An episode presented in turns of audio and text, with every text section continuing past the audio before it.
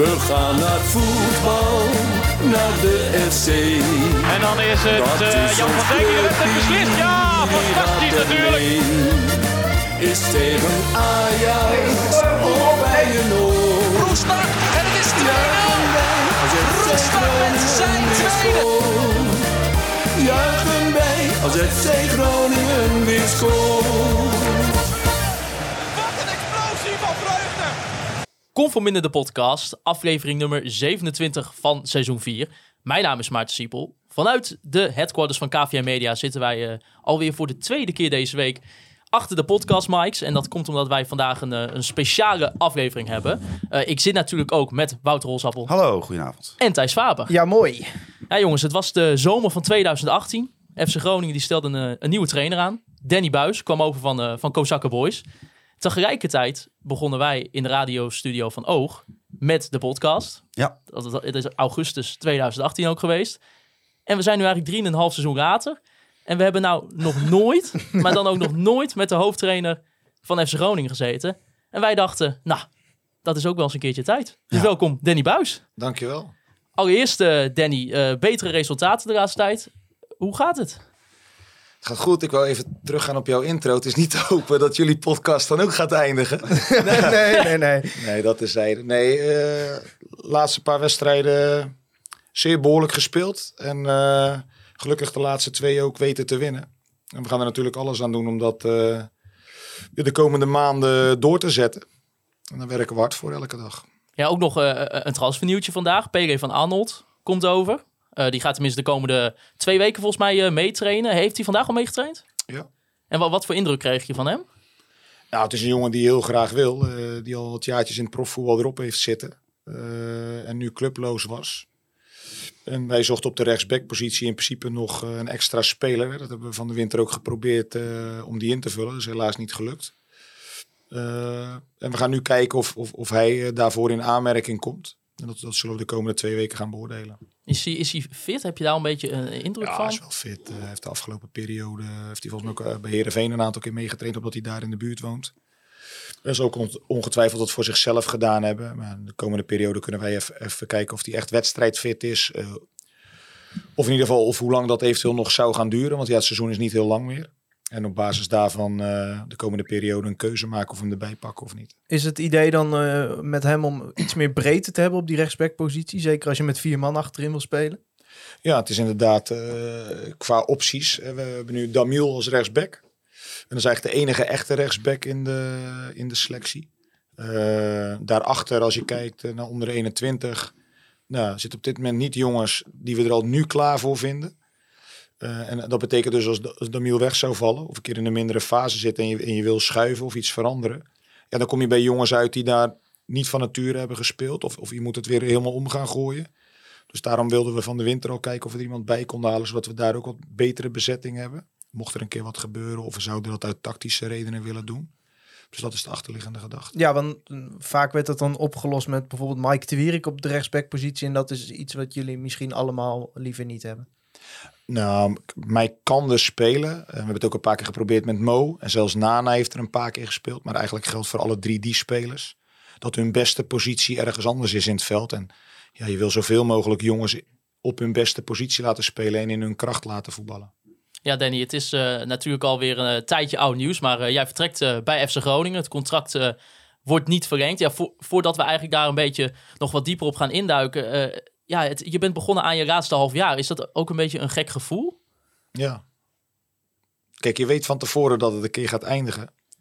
Ik heb ooit eh, het voorwoord mogen schrijven in een boek eh, eh, van Freddy. En daar schreef ik ook al in van, ja, het gaat ooit een keer eindigen. En dan hoop je dat het op een hele mooie manier eindigt. Maar ja, als het nu echt eh, definitief bekend is, dan heb je wel af en toe momenten dat je denkt, ja, potverdorie nog een paar wedstrijdjes en dan zit het erop. Of nog een paar maandjes op trainingscomplex. En dan zit het erop. Kijk, je weet nooit hoe de toekomst gaat lopen, maar voor nu weet je in ieder geval dat er een bepaalde einddatum is. Dus dat is zeker wel eh, gek. Ja, want als je dan bijvoorbeeld ook ziet, eh, afgelopen wedstrijd, weer publiek in het stadion. Mark Tebbers die vraagt, vra- vroeg het ook aan ons via social media. Ja, die, dan, de- hoe, wat doet het dan met je als je dan nog zo toegezongen wordt? Nou, dat heb ik na de wedstrijd ook gehad. En dan zat ik wat hoger in mijn emotie. Eh, ja, dat doet mij oprecht wat. En daar heb ik ook heel veel moeite dat, dat als er mensen zijn, en die kennen mij dan totaal niet, dat ze denken dat dat gemaakt is. Omdat ik hier natuurlijk toen in mijn tijd als speler al een bepaalde binding had met het publiek. En dat, heb ik nu als trainer ook gehad in deze eh, paar jaar dat ik hier gezeten heb. En eh, daar hebben we het ook al heel lang en vaak over gehad, over mijn eerste jaar, hoe moeilijk dat was. En de positie waar we op een gegeven moment op stonden. Maar dat hebben we dit jaar ook weer gehad. Volgens mij hebben we op een gegeven moment zeventiende gestaan. Ja, en dan doet het je oprecht heel veel. Maar dat zou denk ik bij iedereen zo zijn. Dat als de mensen je toch blijven steunen. Of een stuk eh, waardering op zo'n manier geven. Het zou heel raar zijn als dat niet iets eh, met je zou doen. Ja, want waar, waar zit voor jou dan toch die, die emotie zo in? Dat je dat zagen we ook op beeld. Je was, ja, ik leek wel echt alsof je een beetje aangeslagen was. Iets wat je misschien niet heel gauw gelijk op, op dat vlak van jou ziet soms. Nee, maar dat, dat ja. Kijk, hoe moet ik zeggen? Eh, een tipje van de sluier voor het boek met Ferdy ook. Maar kijk, als je in je eerste jaar eh, de kans krijgt, of je krijgt de kans bij een club als FC Groningen. En, en wij al een Kijk, ik was geen supporter van Groningen. Maar ik had wel een bepaalde binding met de club door mijn verleden als speler. En dan krijg je op, op 36-jarige leeftijd is je eerste kans in het betaald voetbal bij, bij deze club. Ja, dan ben je zo ongelooflijk gedreven en ambitieus om daar iets van te maken.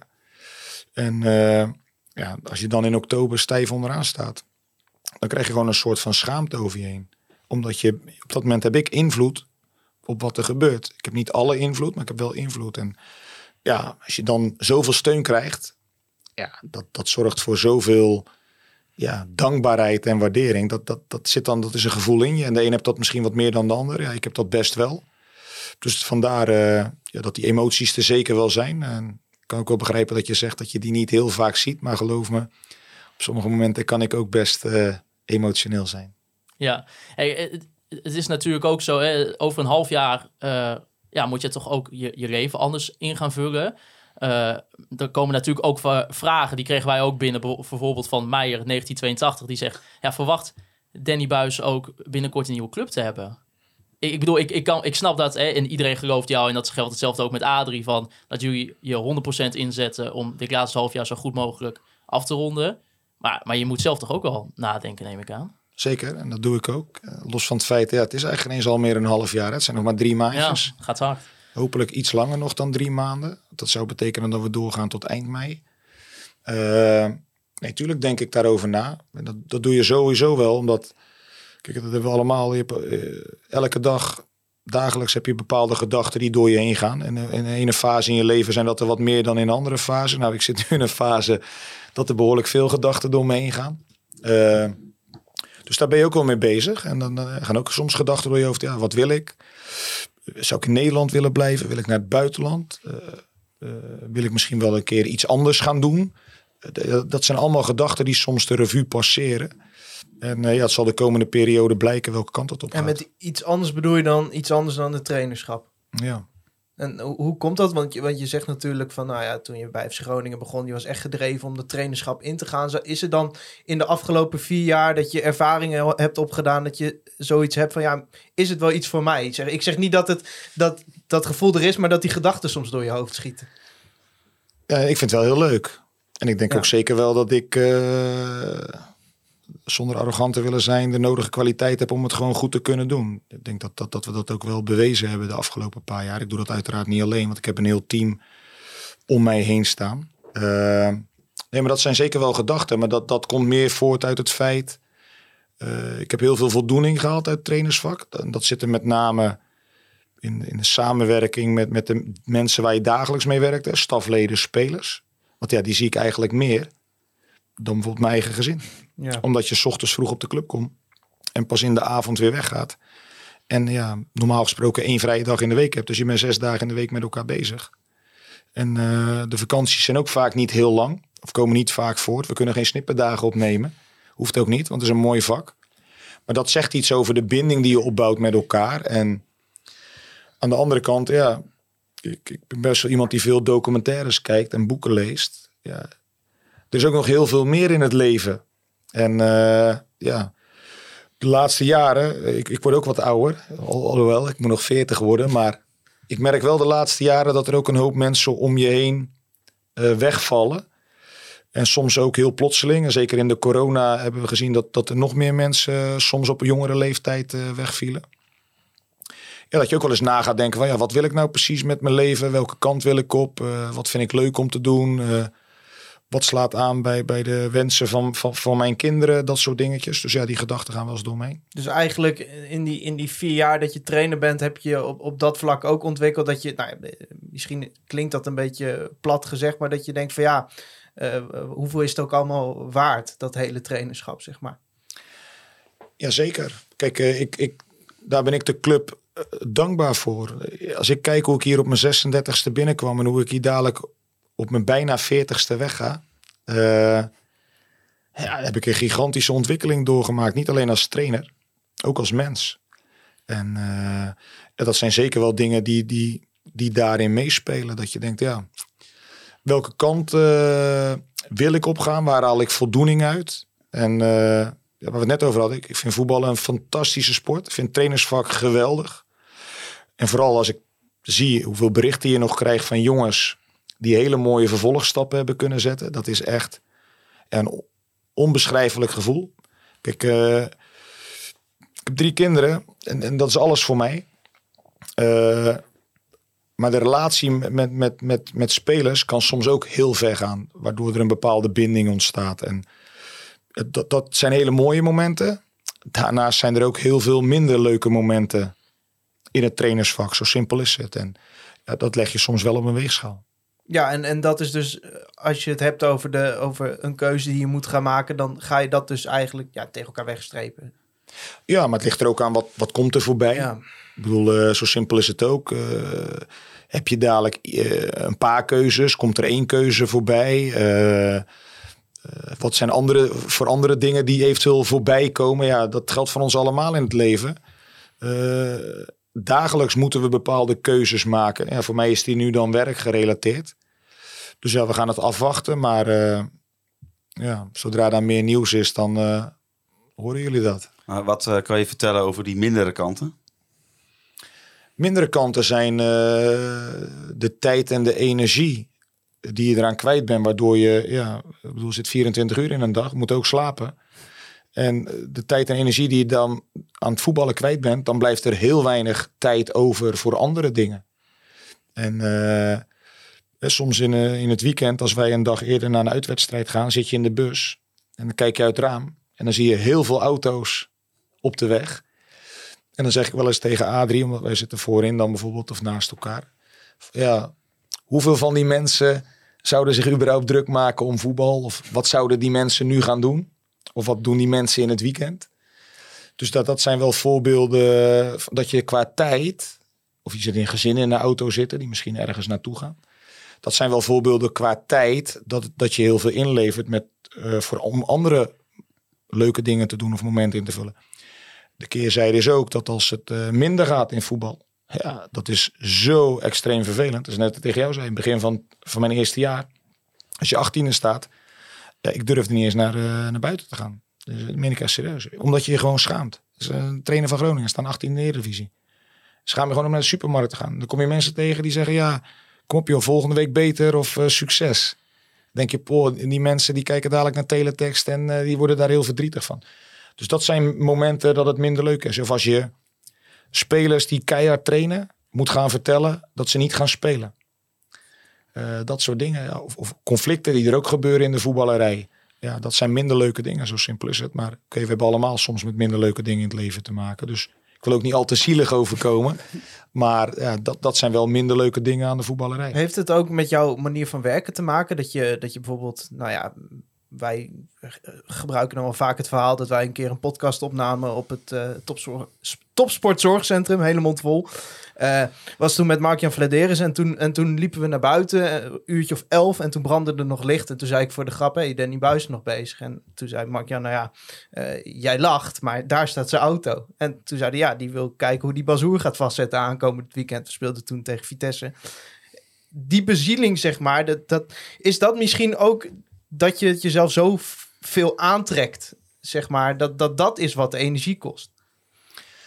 Ja, en het is ook leren.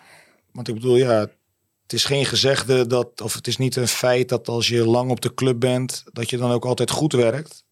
Het gaat om of je efficiënt werkt.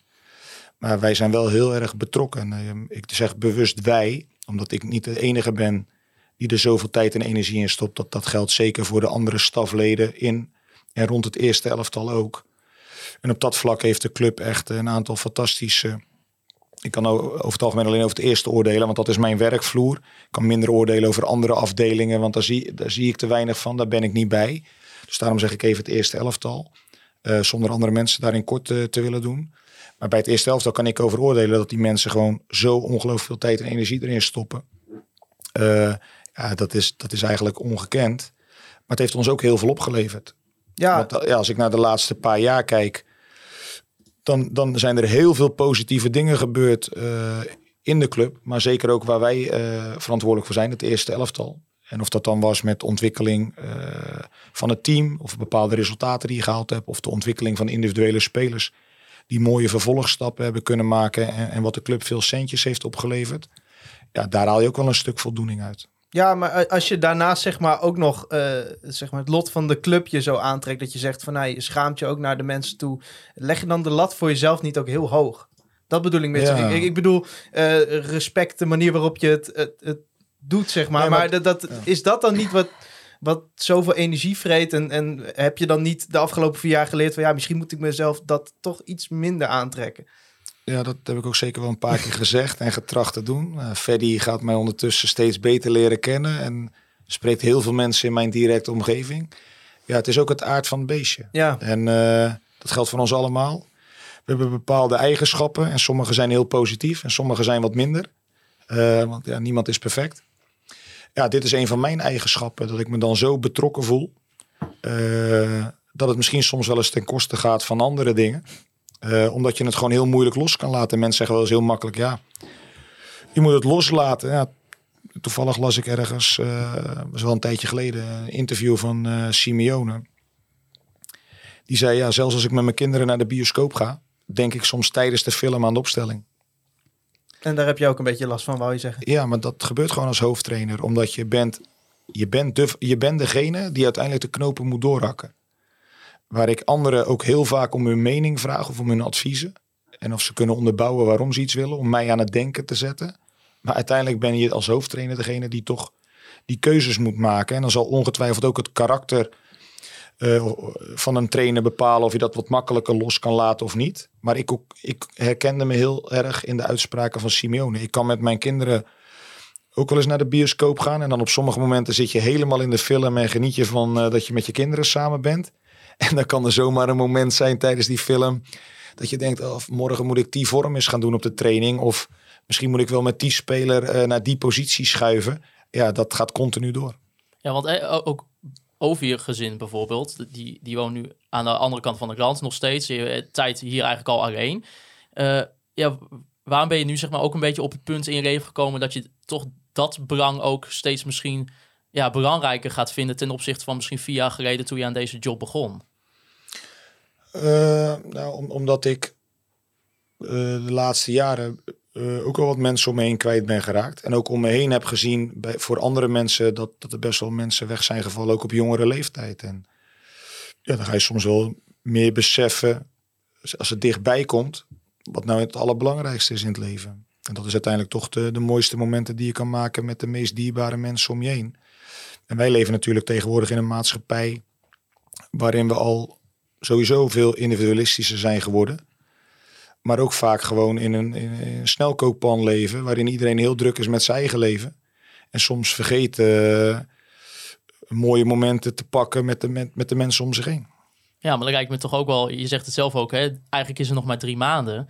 Lijkt me wel een lastig pakket dan zo, als je het zo een beetje opstapelt. Ja, ja en nee, omdat ja. Kijk, eh, voor mij is het allerbelangrijkste dat we. Er gaat een keer een finish komen. En, en die finish wil je op een hele mooie manier eh, behalen. Eh, Ik bedoel, ik had ook ooit. toen ik aan deze club begon, dat, ik ook een droom. En dat was om ook weer. ik heb het een keer als speler mee mogen maken. En als trainer om ook op die grote markt te staan. Nou, dat zou nog steeds kunnen. Dat gaat wel lastig worden, maar het zou nog steeds kunnen. Maar ik heb voor mezelf ook wel dat, ook al zou dat het niet worden, dan ga ik hier nog steeds met een fantastisch gevoel weg door, door hoe ik hier heb kunnen werken de laatste paar jaar en wat we allemaal bereikt hebben. Dus op zich zit ik er wel positief in. En ja, dat er op dit moment ook af en toe andere gedachten door je hoofd gaan en dat dat soms heel snel wisselt. Ja, dat, dat hoort ook bij het leven. Dat is ook weer een stukje ontwikkeling. Ja, laten we even gaan naar eigenlijk nog het moment dat het vertrek werd aangekondigd. Eind eh, december eh, werd bekend dat de club niet ging verlengen met jou en ook met Adrie Poldervaart. Eh, kan je, we hebben natuurlijk ook al met Mark-Jan gesproken, maar kan jij ook een beetje vanuit jouw beleving uitleggen hoe die dag was dat je dat eigenlijk te horen kreeg? Ja, voor mij niet heel spannend of zo. Ik bedoel, we hadden in principe de afspraak staan dat we in januari met elkaar zouden gaan praten. En op een gegeven moment op het verzoek eh, van Mark-Jan eh, gaven ze aan dat ze dat gesprek graag nog voor de winterstop wilden doen. Nou, dat was voor mij betreft prima. En eh, een paar dagen voor die eh, woensdag eh vroegen ze of ik op die woensdag nog op gesprek kon komen. Ja, dat was de, de dag na Heracles, toch? Uh, de, verdenken de dag na Heracles eh, vroegen ze het ja om, om de dag na AZ op die woensdag eh, te gaan zitten. Nou ja.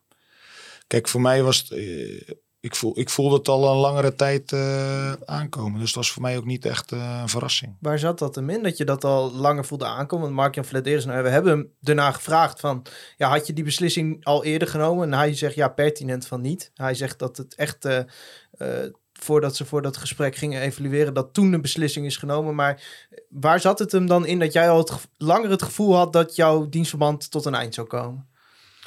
Nou, dat zit hem, eh, ja, dat, dat, dat zit hem in een bepaald gevoel. Kijk, je, je, je werkt met elkaar samen en, en soms is dat dagelijks en, en soms zitten daar een paar dagen tussen. Omdat natuurlijk zijn rol eh, is niet alleen dat hij elke dag alleen maar met de eerste helft al bezig is.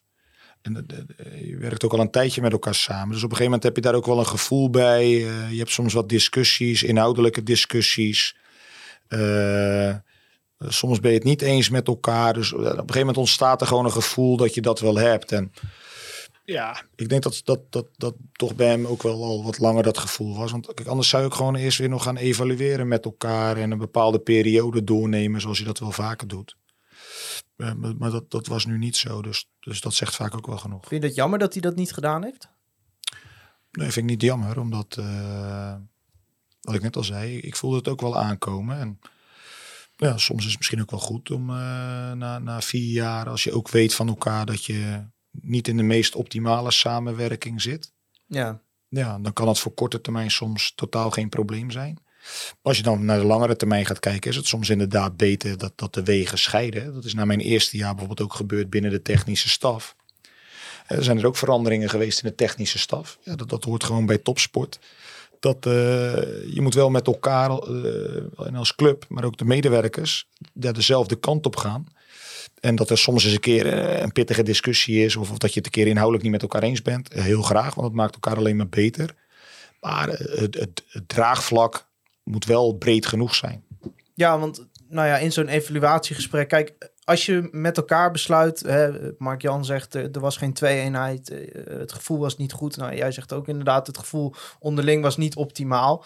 Ehm, eh, zou zo'n evaluatiegesprek niet ook een manier kunnen zijn om misschien wel nader tot elkaar te komen? Of, of eh, ligt het dan dermate ver uit elkaar dat je zoiets hebt van ja, misschien is het ook maar gewoon goed om na vier Ja. jaar te zeggen van, of in dat geval drie jaar met Mark Jan, om dan te zeggen van eh, we kappen ermee. Die zijn er ook wel geweest in, in, in daarvoor. Eh, Kijk, en ik heb vorige zomer ook een gesprek met Mark-Jan gehad. En daar hebben we bepaalde dingen besproken. En dan ga je kijken in de periode daarna of dat eh, verandert. En eh, ja, als je dan tot de conclusie komt dat het niet verandert, ja, dan, dan moet je misschien wel niet willen dat je dan nog langer eh, met elkaar doorgaat. Want dan kom je op een gegeven moment misschien wel in een positie dat het onwerkbaar wordt. En dat is het nu niet. Het is nu werkbaar. Het is niet optimaal, zo simpel is het. Want dan moet je een echte twee-eenheid als trainer en TD. Het is wel werkbaar. En waar je uit weg wil blijven is dat het onwerkbaar wordt. Want dan Ja. gaat het de club schaden. Eh, Heb je concrete voorbeelden? Ik, ik snap wel dat, dat een heleboel dingen zitten hem ook gewoon in de dagelijkse routine. Weet je, wij zullen onderling met z'n drie ook irritaties hebben dat niet iedereen hoeft te weten. Maar eh, heb je nou zo'n een concreet voorbeeld zonder dat dat meteen weer de hoofdreden moet zijn? Want daar is Mark-Jan al wat bang voor vaak dat dat het Ja. wordt. Eh, Waarvan je zegt, daar, dat is nou echt zoiets, ja, da- daar, daar merk je aan dat we gewoon te veel van elkaar verschillen. Wat helemaal niet erg is, hè? Vooropgesteld. Nee, zeker niet. En eh, ik vind ook juist dat er eh, binnen een club, binnen een organisatie altijd mensen moeten zijn die het ook heel vaak, of heel vaak, die het af en toe niet eens zijn met elkaar. Want dat houdt je scherp. Dat zorgt voor inhoudelijke discussies. En als het goed is, zorgt dat er uiteindelijk, uiteindelijk voor dat de beste keuze naar voren komt. In dit geval in het belang van de club. Ja, waar zit hem dat in? Er kan een verschil van inzicht zijn over. eh, ik ben een trainer die graag met een wat kleinere selectie eh, wil werken. Het liefst wel kwalitatief, zo goed mogelijk. Maar liever wat minder aantallen, zodat we eventueel, eh, als dat nodig is, gewoon jongens van de jeugd eh, erbij kunnen pakken in de trainingen. Het zij een keer bij wedstrijden of misschien wel eens een keer kunnen belonen met een kort invalbeurtje. En dat hebben we de afgelopen jaren ook regelmatig kunnen doen. Hè? Want er zijn best wel veel jeugdspelers die de afgelopen jaren hun debuut hebben gemaakt. Er zijn zelfs een aantal op dit moment die gewoon vast in het eerste elftal eh, zitten. En dat doet zich voor- in mijn optiek eh, wat sneller voor als je selectie wat kleiner is. Want dan moet je soms ook noodgedwongen zo'n jongen een keer de kans geven. En ja, als je echt gaat wachten totdat iemand de allerbeste is op de trainingen, eh, dan mis je soms misschien ook wel eens wat. Terwijl als het soms noodgedwongen moet gebeuren, kunnen er wel eens verrassingen ontstaan. En daar is dit jaar ook weer een mooi voorbeeld van. Want bijvoorbeeld Björn, Ja.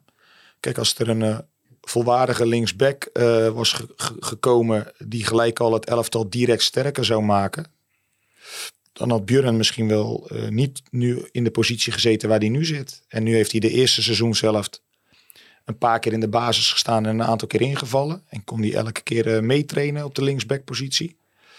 En nu na de winter heeft hij al een aantal wedstrijden gespeeld. En dat heeft hij uitstekend gedaan. En wie weet wat er in de komende maanden nog meer gaat gebeuren met zijn ontwikkeling. Hebben jullie ook eh, een verschil in voetbalvisie? Als we bijvoorbeeld ook kijken naar het gesprek wat wij hadden bijvoorbeeld met Mark-Jan eh, in eh, eind december was dat ook. Oh, hè, hij benoemde dan bijvoorbeeld, ja, ik zie Soeslof heel graag op zes, het liefst eigenlijk. Ehm, ik vind Jaya Kerry wel goed genoeg. Zit, daar ook aardig wat verschil in tussen hoe jij daarnaar kijkt en hoe Mark-Jan dat bekijkt? Nou, daar zullen ongetwijfeld verschillen zijn, maar die, die, die, die zal je bijna met iedereen hebben. Want ja, er zijn maar heel weinig mensen die precies met z'n tweeën exact hetzelfde denken over voetbal of exact hetzelfde denken over een betreffende speler. Iedereen heeft ook zijn eigen voorkeuren. Daar is ook niks mis mee. Maar, dus er zijn zeker wel verschillen, maar het is niet zo dat dat mijlen ver uit elkaar ligt of zo. Dat heeft niet een hele grote rol gespeeld, heb je het gevoel. Nee, maar het is gewoon meer. Het is ook. eh, Kijk, eh, het is niet. Dat, eh, het, het gaat niet om één ding. Het zijn gewoon een aantal dingen bij elkaar. En eh, sommige mensen is ook heel verschillend als personen. Ja, dat klopt ook. Maar weet je, dat is ook niet de hoofdreden. Het zijn gewoon een aantal dingen bij elkaar. En eh, ja, soms heb je een gevoel. Ik bedoel, ja. eh, waarom vind je de ene persoon aardig als je hem voor het eerst ziet en de ander niet? Terwijl je hem eigenlijk nog niet eens echt kent. Het is een gevoel. Gevoel stuurt je ook niet altijd de juiste kant op. Maar dat, dat, heeft er ook mee te maken. En je werkt nu een tijdje samen met elkaar. En op een gegeven moment wil je dan ook een vooruitgang zien. Net zoals dat je met het team, als je daarmee werkt, vooruitgang wil zien. Of met spelers individueel. En soms zie je minder vooruitgang of geen vooruitgang. Nou ja, dan is het ook prima om, om te zeggen, we, we stoppen ermee en we gaan, eh, we gaan iets anders doen. En ja, dan was het, eh, kon er twee kanten op gaan. Eh, of een TD gaat weg of een trainer gaat weg. Nou ja, in dit geval is het heel simpel. Uh, Mark-Jan heeft nog een paar jaar contract en mijn contract liep af. Dan gaat de trainer weg. En op communicatief vlak bijvoorbeeld dan, want we zagen het ook in, het, in een artikel van VI wat later verscheen, hè, dat het eigenlijk een soort van uh, ja, uh, een vrede was, maar dan wel een beetje hè, toch, nou ja, we doen het maar, maar we kunnen eigenlijk niet met elkaar door, door een deur. Dat werd dan ook een beetje geschetst, ook door, door de andere media. Hoe, hoe kijk jij dan daar zelf naar als je, als je dat leest en ziet? Nou, kijk, soms worden dingen gezegd uh, die niet helemaal kloppen. Kijk, de, een van de koppen was toen geloof ik ook van... Uh, moet ik even terug de tijd ingaan. Nee, ja, maar er was nog iets anders wat er gezegd werd over uh, ja, gewapende vrede. Dat is net alsof je met elkaar op de vuist gaat. Nou, daar is totaal geen sprake van. Maar bedoel, ja, eh, we zijn ook geen vrienden. Ik zei, eh, nou, ik, ik schetste, jullie zijn eh, gescheiden, maar jullie blijven nog bij elkaar voor de kinderen. Ja, daar moet ik even over nadenken. Godverdorie, wat een vergelijking. Ja, nee, maar ja, kijk, weet je... eh, we doen gewoon ons job. En het voordeel is ook dat je, wij hoeven niet in ons werk 24 uur per dag... Of, of 16 uur per dag, 24 uur per dag zou raar zijn, want je moet ook slapen. Eh, ik wil niet met hem in één bed liggen. Heb je Eh, al met Adrie gedaan? Oh, nu hebben we weer een kop. We hebben weer een kop. Danny Buis wil niet met Markje Vladeris in bed liggen. Nee, maar sowieso eh, zijn er maar heel weinig die bij mij in bed mogen liggen. Eh, nee, maar je, je hoeft niet 12 uur per dag eh, op elkaars lip te zitten, weet je wel. Dus, dus dat maakt het ook wel wat makkelijker, want je hebt ook gewoon je vrijheid en je ruimte. Dus nee, de, de- we kunnen prima ons werk doen. En eh, daar gaat het om. En wat ik net al zei, eh, voor korte termijn is dat ook prima. Maar dat er voor langere termijn een andere keuzes gemaakt, dat is ook prima. Had je graag doorgewild bij Groningen? Op sommige vlakken zeker en op sommige vlakken niet. En hoe, hoe voel je er dan onder dat het tot een eind komt? Als je toch het gevoel hebt van, nou, je zit hier goed. eh, de resultaten zijn prima de laatste jaren. enerzijds vind je dat ontzettend jammer. Eh, omdat je, ja, als je 3,5 jaar hier zit en de meeste tijd van de week spendeer je op en aan de club. En dat al 3,5 jaar lang en, dadelijk dus 4 jaar. Ja, dan is het logisch dat je wat opbouwt, ook met je gevoel, met mensen. En niet alleen met spelers, maar ook met andere mensen in en rond de club. Dus, dus dat is zeker wel eh, jammer. En ook wel om, om, om het feit dat als je ziet hoe we zijn begonnen een paar jaar geleden, of in ieder geval toen ik mocht instromen, wat de situatie was en nu. Ja, dan is er best wel op behoorlijk wat vlakken progressie geboekt of, of mooie dingen neergezet. En da- daar hoop je dan ook zelf mee door te gaan. Aan de andere kant weet je gewoon in topsport dat dit soort dingen kunnen gebeuren. En ja, dan gaan er weer ergens anders deuren open. En dat zorgt ook weer voor een bepaalde ontwikkeling en nieuwe ervaringen. Dus ja, ik zit er niet heel somber in. Eh, ik vind Groningen een hele mooie club. En wat ik het eerder heb gezegd, ben het enorm dankbaar. Ik ga er ook nog een paar maanden alles aan doen om eh, het goed te laten eindigen. En op sommige vlakken vind ik het heel vervelend dat het eindigt. En aan de andere kant, ja, er gaan ook weer nieuwe avonturen komen. En die gaan ook weer voor misschien wel hele mooie ervaringen zorgen. Want op welke vlak had je dan bijvoorbeeld dat je dacht van nou, misschien wil ik niet doorgaan bij FC Groningen? Nou, kijk, eh Mark-Jan had een bepaald gevoel om niet met mij door te gaan. Nee, dat snap ik, ja. Ja, dus, dus maar dat is wederzijds natuurlijk ook wel het geval. Dat is ook het gevoel van beide kanten waarom deze keuze is gemaakt. Eh, voor mij was ook wel een vraag geweest na volgend jaar toe, als dat ter sprake was gekomen. Ja, gaan de komende zomer weer zeven of acht spelers uit de basis weg? Of worden het er nu maar één of twee? Of misschien drie? En welke spelers gaan we daarvoor terughalen? En wat zijn er mogelijk? Dus dat zijn wel allemaal vragen die je dan mee zou nemen of had meegenomen in een eventueel gesprek. Is dat een- beetje een, een overheersend gevoel? eh, wa- wat ook bij jou is, nou misschien niet overheersend, maar wel een gevoel van, ja, je hebt eigenlijk elk seizoen, denk ik, als je naar punt A en punt B kijkt, een ploeg beter gemaakt. Maar eigenlijk ook elke keer je beste spelers ook weer zien vertrekken. Heb je dan het gevoel gehad dat je een keer echt hebt kunnen oogsten van de ontwikkeling die je bij ploegen hebt eh, laten doormaken? Ja, wij, wij hebben geoogst. We hebben geoogst in dat we in ieder geval in het linkerrijtje speelden. eh, richting de play-off plekken. Maar we hebben vooral geoogst dat, dat eh, we voor de club heel veel geld hebben kunnen verdienen. En, en dat was noodzakelijk gezien de positie van de club. Als je het echtste oogsten bedoelt in dat je misschien een keer een langere periode met hetzelfde Nou ja, dat elftal ja, dus. wilde spelen. Of in ieder geval dat als dan, weet je, als zo'n Goedmanson vertrekt, dat er iemand voor terugkomt die er echt meteen staat. Of als een Matusiwa vertrekt, dat er iemand voor terugkomt waarvan je zegt, ja, dit is, zeg maar, dit is niet weer een nulpunt of, of bij wijze van spreken, maar het zit er alweer wat dichter tegenaan dan het verschil nu, zeg maar. Ja, die, die, om, om daar te komen, eh, moeten ook eerst wel die, die stappen gezet worden om die jongens te verkopen. Omdat, de financiële positie gewoon aanzienlijk verbeterd moest worden van de club. Nou, dan kan je het voor twee dingen kiezen. Je kan dat proberen heel snel te doen. Ik denk dat wij het wel heel snel gedaan hebben in een paar jaar. Als je ziet wat er verkocht is qua, qua transferbedrag in 3,5 jaar tijd. Eh, dus, dus je hebt eigenlijk op hele korte termijn heb je heel veel dingen kunnen bereiken op dat vlak. Dus andere clubs kiezen er misschien voor om dat over een wat langere periode weg te werken. Om, omdat ze dan direct eh, eerder geld terugstoppen in het elftal.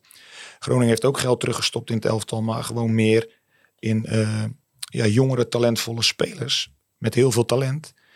En waar je de komende jaren hopelijk de vruchten van gaat plukken. Omdat ze of langer bij de club blijven, omdat de financiële positie ook aanzienlijk verbeterd is. Ja, of omdat ze zich zo sterk ontwikkelen met hun talent, dat je ze voor nog misschien wel grotere bedragen kan gaan verkopen. Ja. Dus ik, voor mijn gevoel hebben we geoogst, omdat ik enorm trots ben. Dat als je het rijtje club ziet waar wij de afgelopen paar jaar spelers aan verkocht hebben, die gewoon soms maar één of anderhalf jaar zelfs bij Groningen hebben gespeeld. Dan, dan moet dat ons allemaal heel trots maken. En, en daardoor heeft de club ook een bepaalde positie eh, kunnen veranderen waar ze in zaten een paar jaar geleden.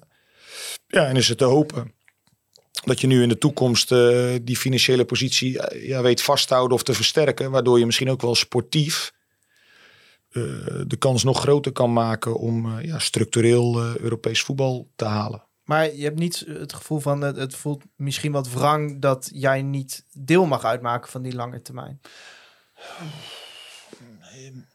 Misschien heel soms.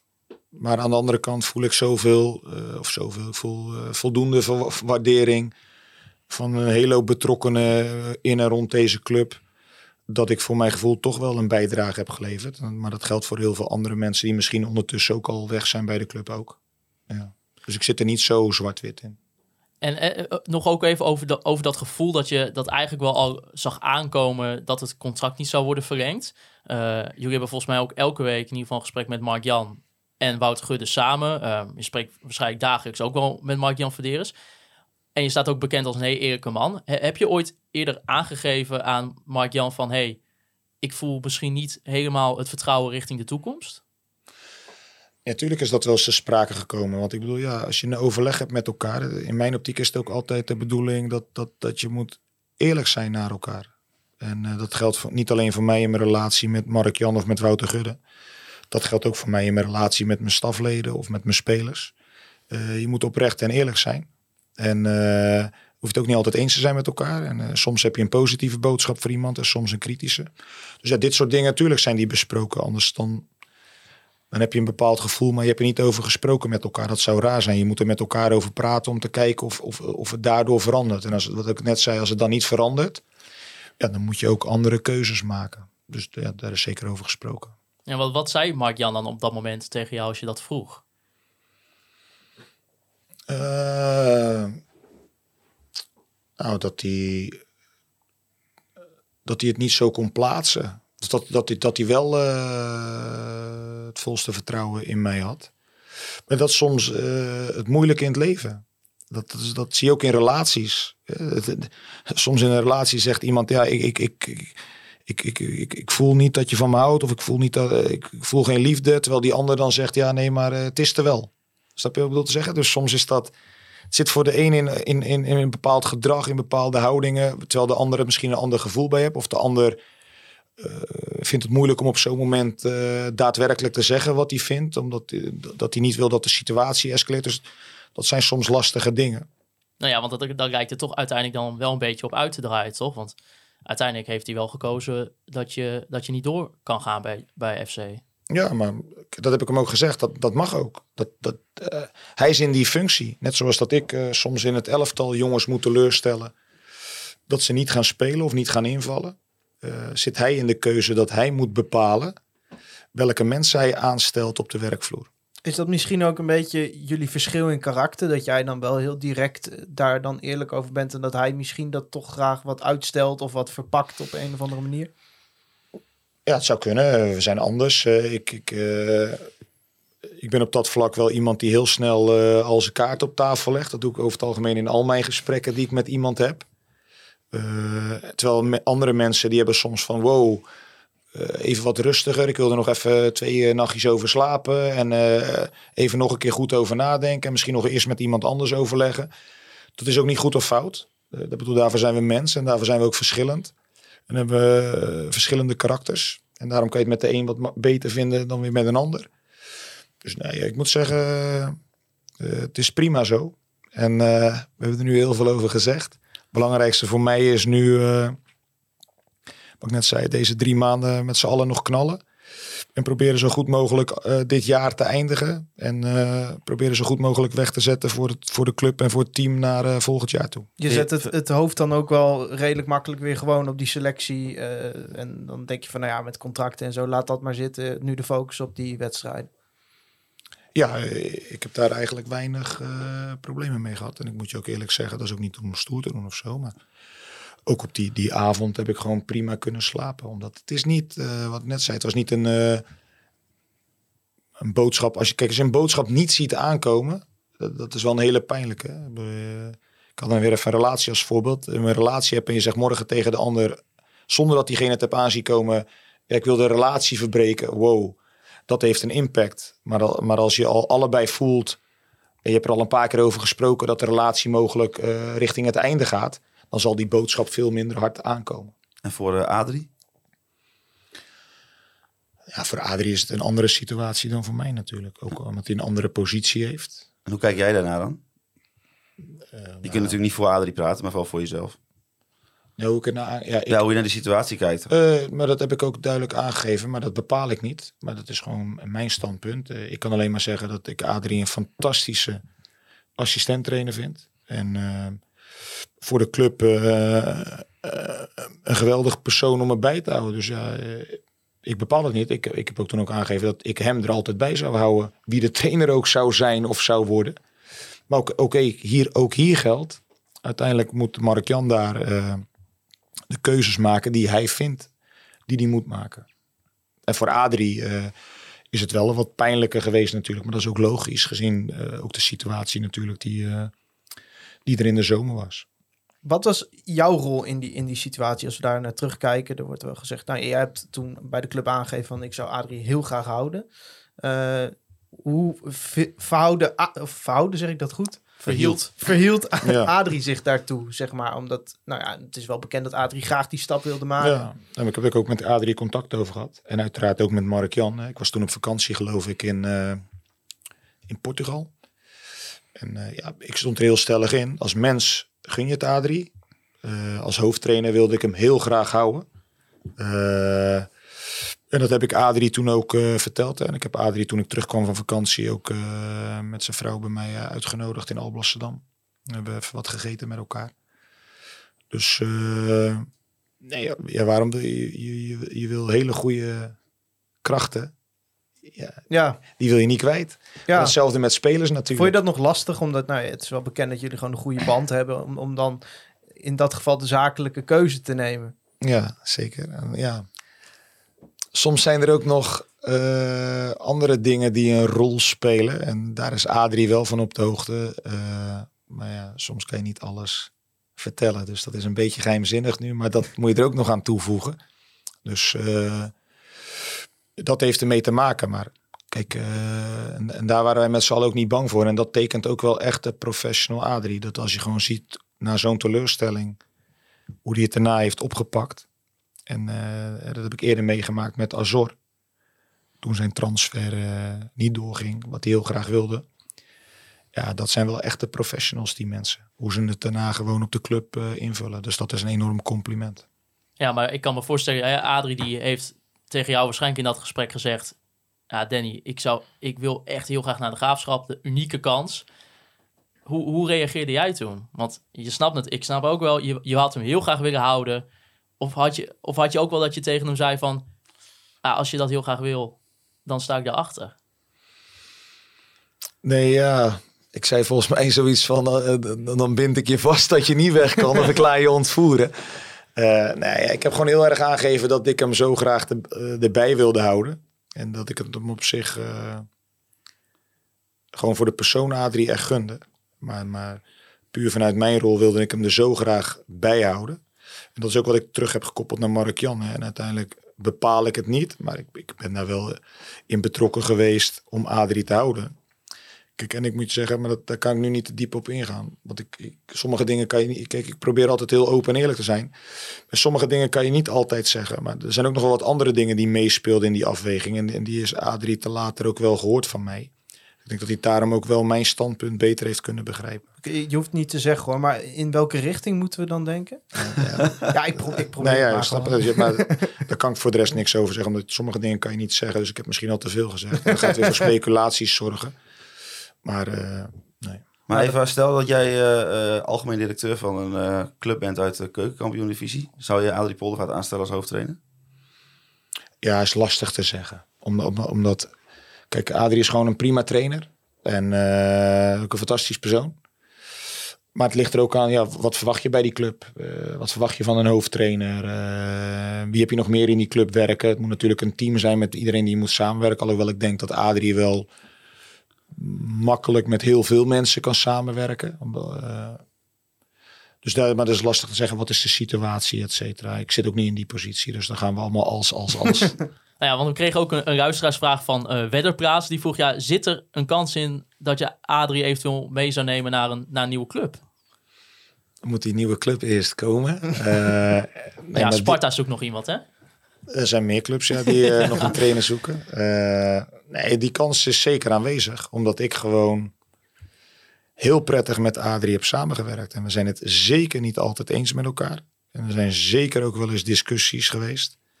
Maar eh, als je alles op een weegschaal legt, dan eh, heb ik in ieder geval de samenwerking als eh, zeer positief ervaren. Wat ik net zei, ondanks dat er ook wel eens een keertje een mindere periode was. Maar dat hou je altijd, denk ik. Ja, Thijs, ik denk dat wij nu wel eh, naar jouw paradepaardje misschien wel van het seizoen kunnen gaan. De selectieopbouw.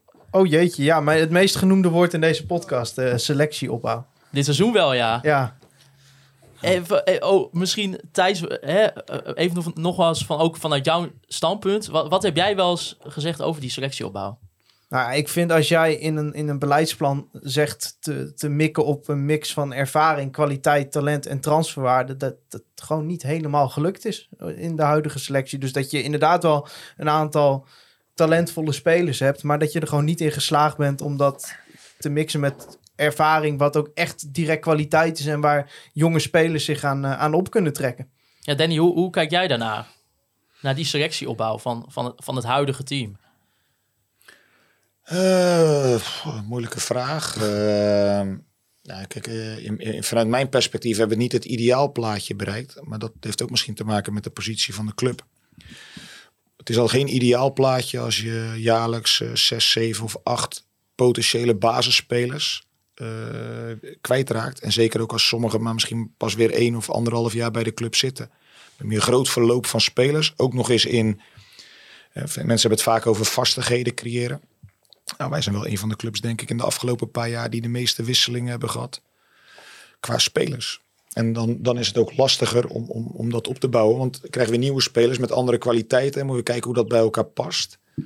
En eh, ja, ik, kreeg, ik, ik volg dat allemaal niet. Ik kreeg van de week ook doorgestuurd dat, dat eh, William Pomp iets had gezegd. eh, over dat, dat wij eerder voor die vastigheden hadden moeten gaan. En dan denk ik, ja, dat zijn gewoon feiten die je kan terugbekijken. Volgens mij is eind augustus de selectie nog behoorlijk veranderd. Met een paar uitgaande transfers van eh, basisspelers.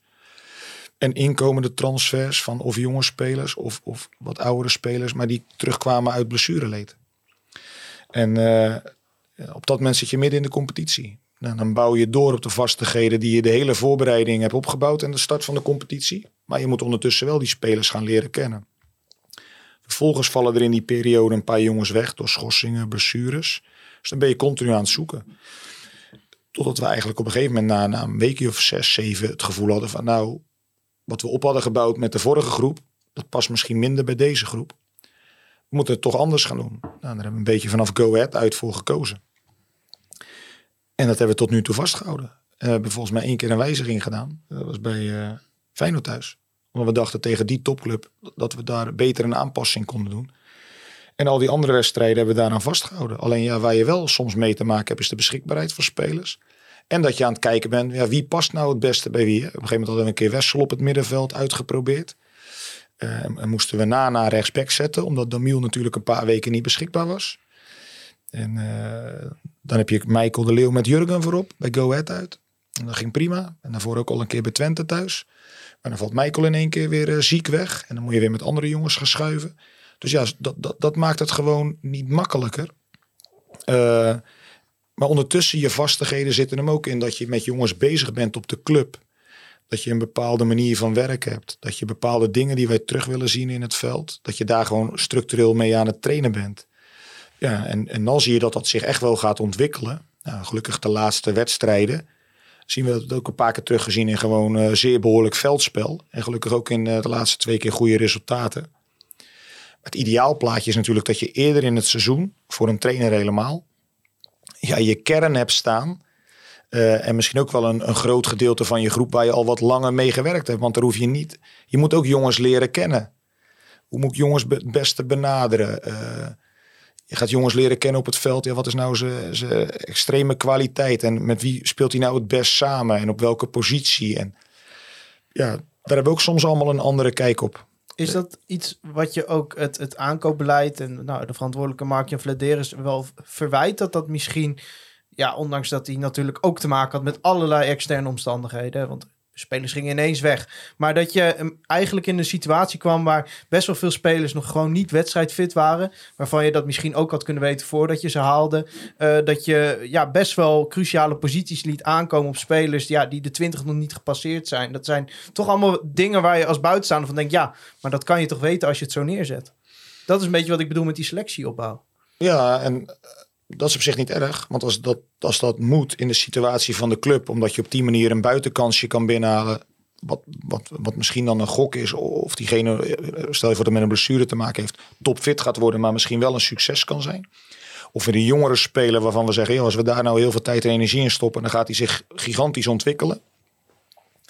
Uh, maar dan heb je anderzijds te maken met verwachtingsmanagement. En uh, in mijn optiek in het leven, je kan niet alles. Nee. En uh, dat is een. Maar doe je dan op die doelstelling? Dus uh, dat, die, dat uh, gezegd wordt, nou ja, alsnog play-offs halen? Ja, die zou daarmee te maken kunnen hebben. Kijk, daarom is het ook lastig in de voetballerij om vooraf een doelstelling te bepalen. Want het seizoen gaat gewoon over tien maanden. En je weet niet wat er gaat gebeuren. Dus als jij in, in juli een doelstelling bepaalt. Maar, maar eind augustus gaan, als je ons even als voorbeeld neemt, gaan Matusiwa weg, gaat Goedmonster weg, gaat Messoudi weg. En dan komen er een paar uh, talentvolle spelers voor terug. En er komen één of twee jongens met wat meer ervaring voor terug, maar die terugkomen uit een blessure. En dan moet je wel gaan afwachten, hoe gaat dat zich ontwikkelen? En ondertussen hadden we al een paar nieuwe spelers, hoe gaat dat zich ontwikkelen? En dat is soms in de voetballerij, dat is mijn ervaring. Dat is ook het jaar voordat ik kwam, hè, met uh, Ernst Faber die voor mij zat. Als het verwachtingspatroon te hoog is, dat is met alles in het leven, ontstaan er vaak teleurstellingen en frustraties. En dat is juist hetgene waar je het meest lang uit weg wil blijven. Dus de markt voor Groningen, gezien de positie ook van de club, is de afgelopen jaren ook niet zomaar geweest dat je zomaar even spelers kan halen. Want ik bedoel, ja, wij hebben echt wel spelers benaderd. Of de club heeft echt wel spelers benaderd van Pek Zwolle, Heracles, dat soort clubs. Maar hoeveel zijn er gekomen dan? Maar wat is dan je gevoel erbij dat er dan wel vast wordt gehouden aan zo'n uh, doelstelling? Ook gewoon in extern. Dus er wordt gewoon gecommuniceerd. FC Groningen hoort play-offs te halen. Dat legt jou en jouw selectie, jouw spelers, veelal jonge spelers, wel druk op. Wat is je gevoel daar dan bij als je dat dan leest? Uh, nou, dat, dat, dat, dat, soms op een andere manier kan in mijn optiek. Maar daar mag je ook van verschillen over mening. Uh, en daar hoeft ook niet één waarheid in te zijn. We hebben allemaal onze eigen waarheid. Uh, maar daar heeft dat wel mee te maken. Kijk, en wat ik je net zei. Uh, ik weet ook wel dat de club de afgelopen jaren geprobeerd heeft een aantal spelers te halen die of niet haalbaar waren of niet naar Groningen willen komen. Omdat ze er financieel bijvoorbeeld niet op vooruit gaan ten opzichte van een andere club. Ja, daar heb je soms ook uh, mee te maken. En dat, dat is denk ik het positieve van de afgelopen jaren. dat de club gewoon de positie heeft kunnen verbeteren. Waardoor je hopelijk op de ranglijst uh, wat kan gaan stijgen. Omdat je jongens langer bij je weet te houden. Of omdat je jongens uh, binnen kan halen die voorheen niet wilden komen. Omdat, je salarisbudget wat omhoog gaat. Daar zit met name de positieve verandering in. Ja, maar zou je dan zeggen, dan is het eigenlijk niet raar om op de korte termijn, ook als je gewoon technisch directeur bent en via de media eigenlijk ook je achterban toespreekt, om dan te zeggen van nou ja, de ambitie is play-offs, maar of het reëel is weten we niet, want dat is natuurlijk nooit gezegd. Nee, en dat, dat, dat is meer jouw lijn geweest. Nou, niet mijn lijn. Kijk, mijn zienswijze is erop dat het in de voetballerij. Uh, ik, ik, weet niet hoe dat ontstaan is, maar uh, Mensen willen al heel graag in juni horen wat de doelstelling is voor het hele jaar. En het eindigt in mei, eh, elf maanden later. En onder, onderweg kan er zoveel gebeuren. Je hebt een transferwindow die tot 31 augustus open is. En in sommige landen loopt die nog langer door. Dan gaat er een transferwindow weer open in januari. Maar die loopt ook in sommige landen nog langer door. Je kan te maken krijgen met blessures. Eh, er kunnen zoveel dingen gebeuren die van zo'n grote invloed zijn om te bepalen of een doelstelling wel of niet realistisch is ten opzichte van wat je in juni of juli gecommuniceerd hebt. Dat is soms wel waar ik me over verbaas in de voetballerij in zijn algemeenheid. Kijk, en, en los daarvan vind ik dat een club als FC Groningen dat de intentie altijd moet zijn om minimaal mee te doen om de play-off plaatsen. En als dat betekent dat je een keer wat minder budget hebt, of, dat je een keer een paar blessures hebt, ja, dan kan je ook nog steeds proberen met z'n allen het verschil te maken op de werkvloer.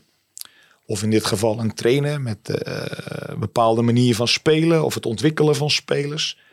Dus, dus die, die ambitie moet er altijd zijn, denk ik, voor een club als het uh, met het kaliber van FC Groningen. Hoe is dat uh, naar jullie gecommuniceerd? Na die uh, transfer deadline day, dat is natuurlijk in de zomer gezegd van, nou goed, we willen eigenlijk wel weer richting die 50 punten gaan. Spel mag ook nog wel wat attractiever. Het staat ook in de jaarcijfers. We willen toch attractieve voetballen. is daar nog over gesproken na die deadline day, waar toch wel heel veel in die selectie nog veranderd is? En was daar een verschil van mening? Nou, we hebben niet zo, zo specifiek daarover gesproken. Uiteraard komt het wel te sprake. Maar op een gegeven moment zit je ook gewoon midden in het seizoen. Het gaat, het gaat gewoon gelijk door. Uh, kijk, hadden, hadden we vorig jaar 50 punten? Ik weet niet eens uit mijn hoofd. Ja. Kijk, dan heb je als sporter, ik, maar dat geldt voor heel veel anderen, heb je sowieso de drijf bij jezelf om proberen, je wilt elk jaar beter doen. Dat, dat is gewoon sowieso de drijf die je hebt. Of het realistisch is, dat weet je niet, maar dat is sowieso je drijf. En dan moet je soms proberen wel naar de realiteit te blijven kijken. Want het kan zomaar zijn dat het bijvoorbeeld niet lukt. Maar dan kan je op zich misschien gewoon een prima jaar hebben gedraaid. Ondanks dat je drijf was dat je meer uh, had gehoopt of meer had willen bereiken. Dus, dus ja, daar moet je in mijn optiek til ik daar ook niet zo uh, zwaar aan. Kijk, waar ik meer moeite mee heb, is het begrip attractief voetbal. Ik las toevallig, uh, of toevallig, dat doe ik, lees wel vaker boeken. Een boek van Tom Boot. Nou, die, die, die, die sprak daar afschuw over in de voetballerij. Over dat bestuurders of dat soort mensen vaak dat soort begrippen de wereld ingooien. Want ja, wat is attractief voetbal? Hij zegt ja, in Italië is attractief voetbal uh, voor sommige mensen misschien wel gewoon dat ze heel goed verdedigen, de nul houden en met een counter met 1-0 winnen. En attractief voetbal voor andere mensen is dat ze minimaal drie goals willen zien. En attractief voetbal voor andere mensen is misschien wel dat als een ploeg continu heel hoog druk zet. Uh, maar misschien wel 1-1 gelijk speelt. Hebben ze misschien wel een hele attractieve wedstrijd gezien. Dus ja, uh, vaak vind ik ook, ja, wat is dat voor begrip attractief voetbal? Zeg het maar. Wat is voor jou attractief voetbal? Ik wilde hem net terug naar jouw kaart. ja. Maar dan ga jij hem weer terug naar mij kaart. Nee, maar ik bedoel, ja, het, het verschil denk ik van waar je bent, bij welke club werk je, wat is een beetje het gemiddelde DNA of het verwachtingspatroon wat de mensen graag willen zien bij een club. En maar attractief voetbal, ja. Sommige mensen zeggen dan ja, als je naar ons doelsaldo kijkt, ja, Danny is een verdedigende trainer. Ja, ja, ja het zal wel. Ik denk, als je naar mijn doelsaldo kijkt van Kozakkenboys in vier jaar, was er geen één ploeg op het hoogste amateurniveau die meer goals heeft gemaakt. En waar zat het dan in bij, bij Groningen, als we gewoon naar die periode van straks vier jaar kijken, dat dat dan ja, niet zoveel goals als bij Kozakkenboys. Uh, Groningen stond meestal toch al in het rechterrijtje qua doelpunten, zeg maar. Zeker. Voor. Ja, we staan ook wel uh, laag qua gescoorde goals voor. Maar dan daarentegen zijn we een topploeg op andere vlakken. Ja, maar, maar als die vlakken allemaal met verdedigen te maken hebben, dan is het toch niet gek dat mensen zeggen dat jij een verdedigende trainer bent. Wat uh, op zich niet verkeerd hoort te zijn. Nee, nee, want maar... je haalt er wel gewoon, je, je hebt elk jaar resultaat gehaald wat eigenlijk boven de begroting is. Het heeft niet altijd met dat te maken. Omdat, uh, kijk, wil ik als voorbeeld geven. Goedmanson was linksbuiten. Toch? En Mo Alankouri ja. was ook een vleugelspits. Ja. En dan spelen wij PSV uit. En dan speelt Goedmanson linksback. Ankouri rechtsback. Patrick Joosten linksbuiten. En Gonge rechtsbuiten. Michael de Leeuw in de spits. En op het middenveld speelt onder andere nog Suslov. Dus dan spelen wij uit bij PSV met vijf aanvallers. En een aanvallende middenvelder. Ja. Maar waar het uiteindelijk mee te maken heeft is... kan je werken aan vastigheden. We hebben het net gehad over stabiliteit. Stabiliteit. Ik heb uitgezocht, dat hou ik allemaal bij. Ja, voor de luisteraars thuis, er ligt hier een lijstje Ja, zeker. Nee, maar dat zijn gewoon feiten die ik altijd bij me houd. Omdat ik graag mezelf... Ik wil ook ontwikkelen. Dus als dingen niet goed gaan... dan probeer je te achterhalen op basis van feiten, data, statistieken... eh, of je daar iets in kan vinden. Als je alleen maar afgaat op de emotie van iemand... eh, daar bereik je niet zoveel mee. Kijk, ik is ik 3,5 jaar trainer van Groningen. En dan heb ik de vier, eh, door onze videoanalist, data-analyst... die hebt de vier meest aanvallende posities van het elftal erbij gepakt. Ook van alle andere eredivisieclubs. En dan hebben wij in 3,5 jaar met 36 spelers gespeeld op vier posities. Er is geen één andere club die op die aantallen komt. Kijk bijvoorbeeld naar een Heracles en een Heerenveen, die zitten in de 20, 25, 23. En als je naar bijvoorbeeld AZ kijkt, zitten maar op 14. Dat zegt iets over de stabiliteit van je elftal. Dat zegt iets over dat als jij Ritsu Doan op die plek hebt lopen, loopt hij dan vijf jaar bij jou. Waardoor je dus extreem kan profiteren van vastigheden opbouwen en de ontwikkeling van een speler die dan het verschil gaat maken voorin. Of moet je hem noodgedwongen na één of twee jaar verkopen, komt er een jongere speler voor terug. Kai Sierhuis heeft één jaar bij Groningen als spits gespeeld en maakt al een transfer. Dat is ontzettend mooi en dat was ook nodig voor de positie van de club. Wat ik alleen wil zeggen, jij vroeg net het vergelijk tussen Kozakkenboys en Groningen, ondanks dat het een ander niveau was. Bij Kozakkenboys waren wij in staat om onze goede spelers langer bij ons te houden. Waardoor die kwaliteit gewaarborgd bleef en zelfs beter werd. Net zoals wat je bijvoorbeeld bij een Ajax in de Eredivisie ook ziet. Tadic speelt al een paar jaar linksbuiten bij Ajax. Is elk jaar een garantie voor goals en assist. Als je naar onze lijst kijkt, we hebben extreem veel jonge spelers gehad. In aantallen en ook in leeftijd. Super positief. Er zit heel veel talent bij. Er zit ook een aantal jongens bij die denk ik een hele grote carrière tegemoet gaan. Maar in structureel presteren, constant zijn op een bepaald niveau, moeten ze zich nog doorontwikkelen. Dus dat zijn allemaal oorzaken die daar mede een rol in spelen. En waarom denk je dat er dan bijvoorbeeld een Heerenveen en een Heracles, eh, zie ik daar ook op het lijstje lager staan dan Groningen, ja, die hebben vergelijkbare spelersbudget. Waarom lukt die het wel? Omdat, dan kom je bij de andere kant van de medaille, het ook wel een stukje met speelwijze te maken heeft. En eh, Nou, daar ben jij dan verantwoordelijk voor, toch? zeker, maar dat ga ik je nu even onderbouwen dan, eh, waar, waar ik naartoe wil. We gaan even bladeren door de papier. Kijk, als je mijn 3,5 jaar bij Groningen optelt, dan zijn wij de nummer 7 van Nederland. Ja. Dat betekent dat we hoger op de ranglijst eindigen voor tv-geld.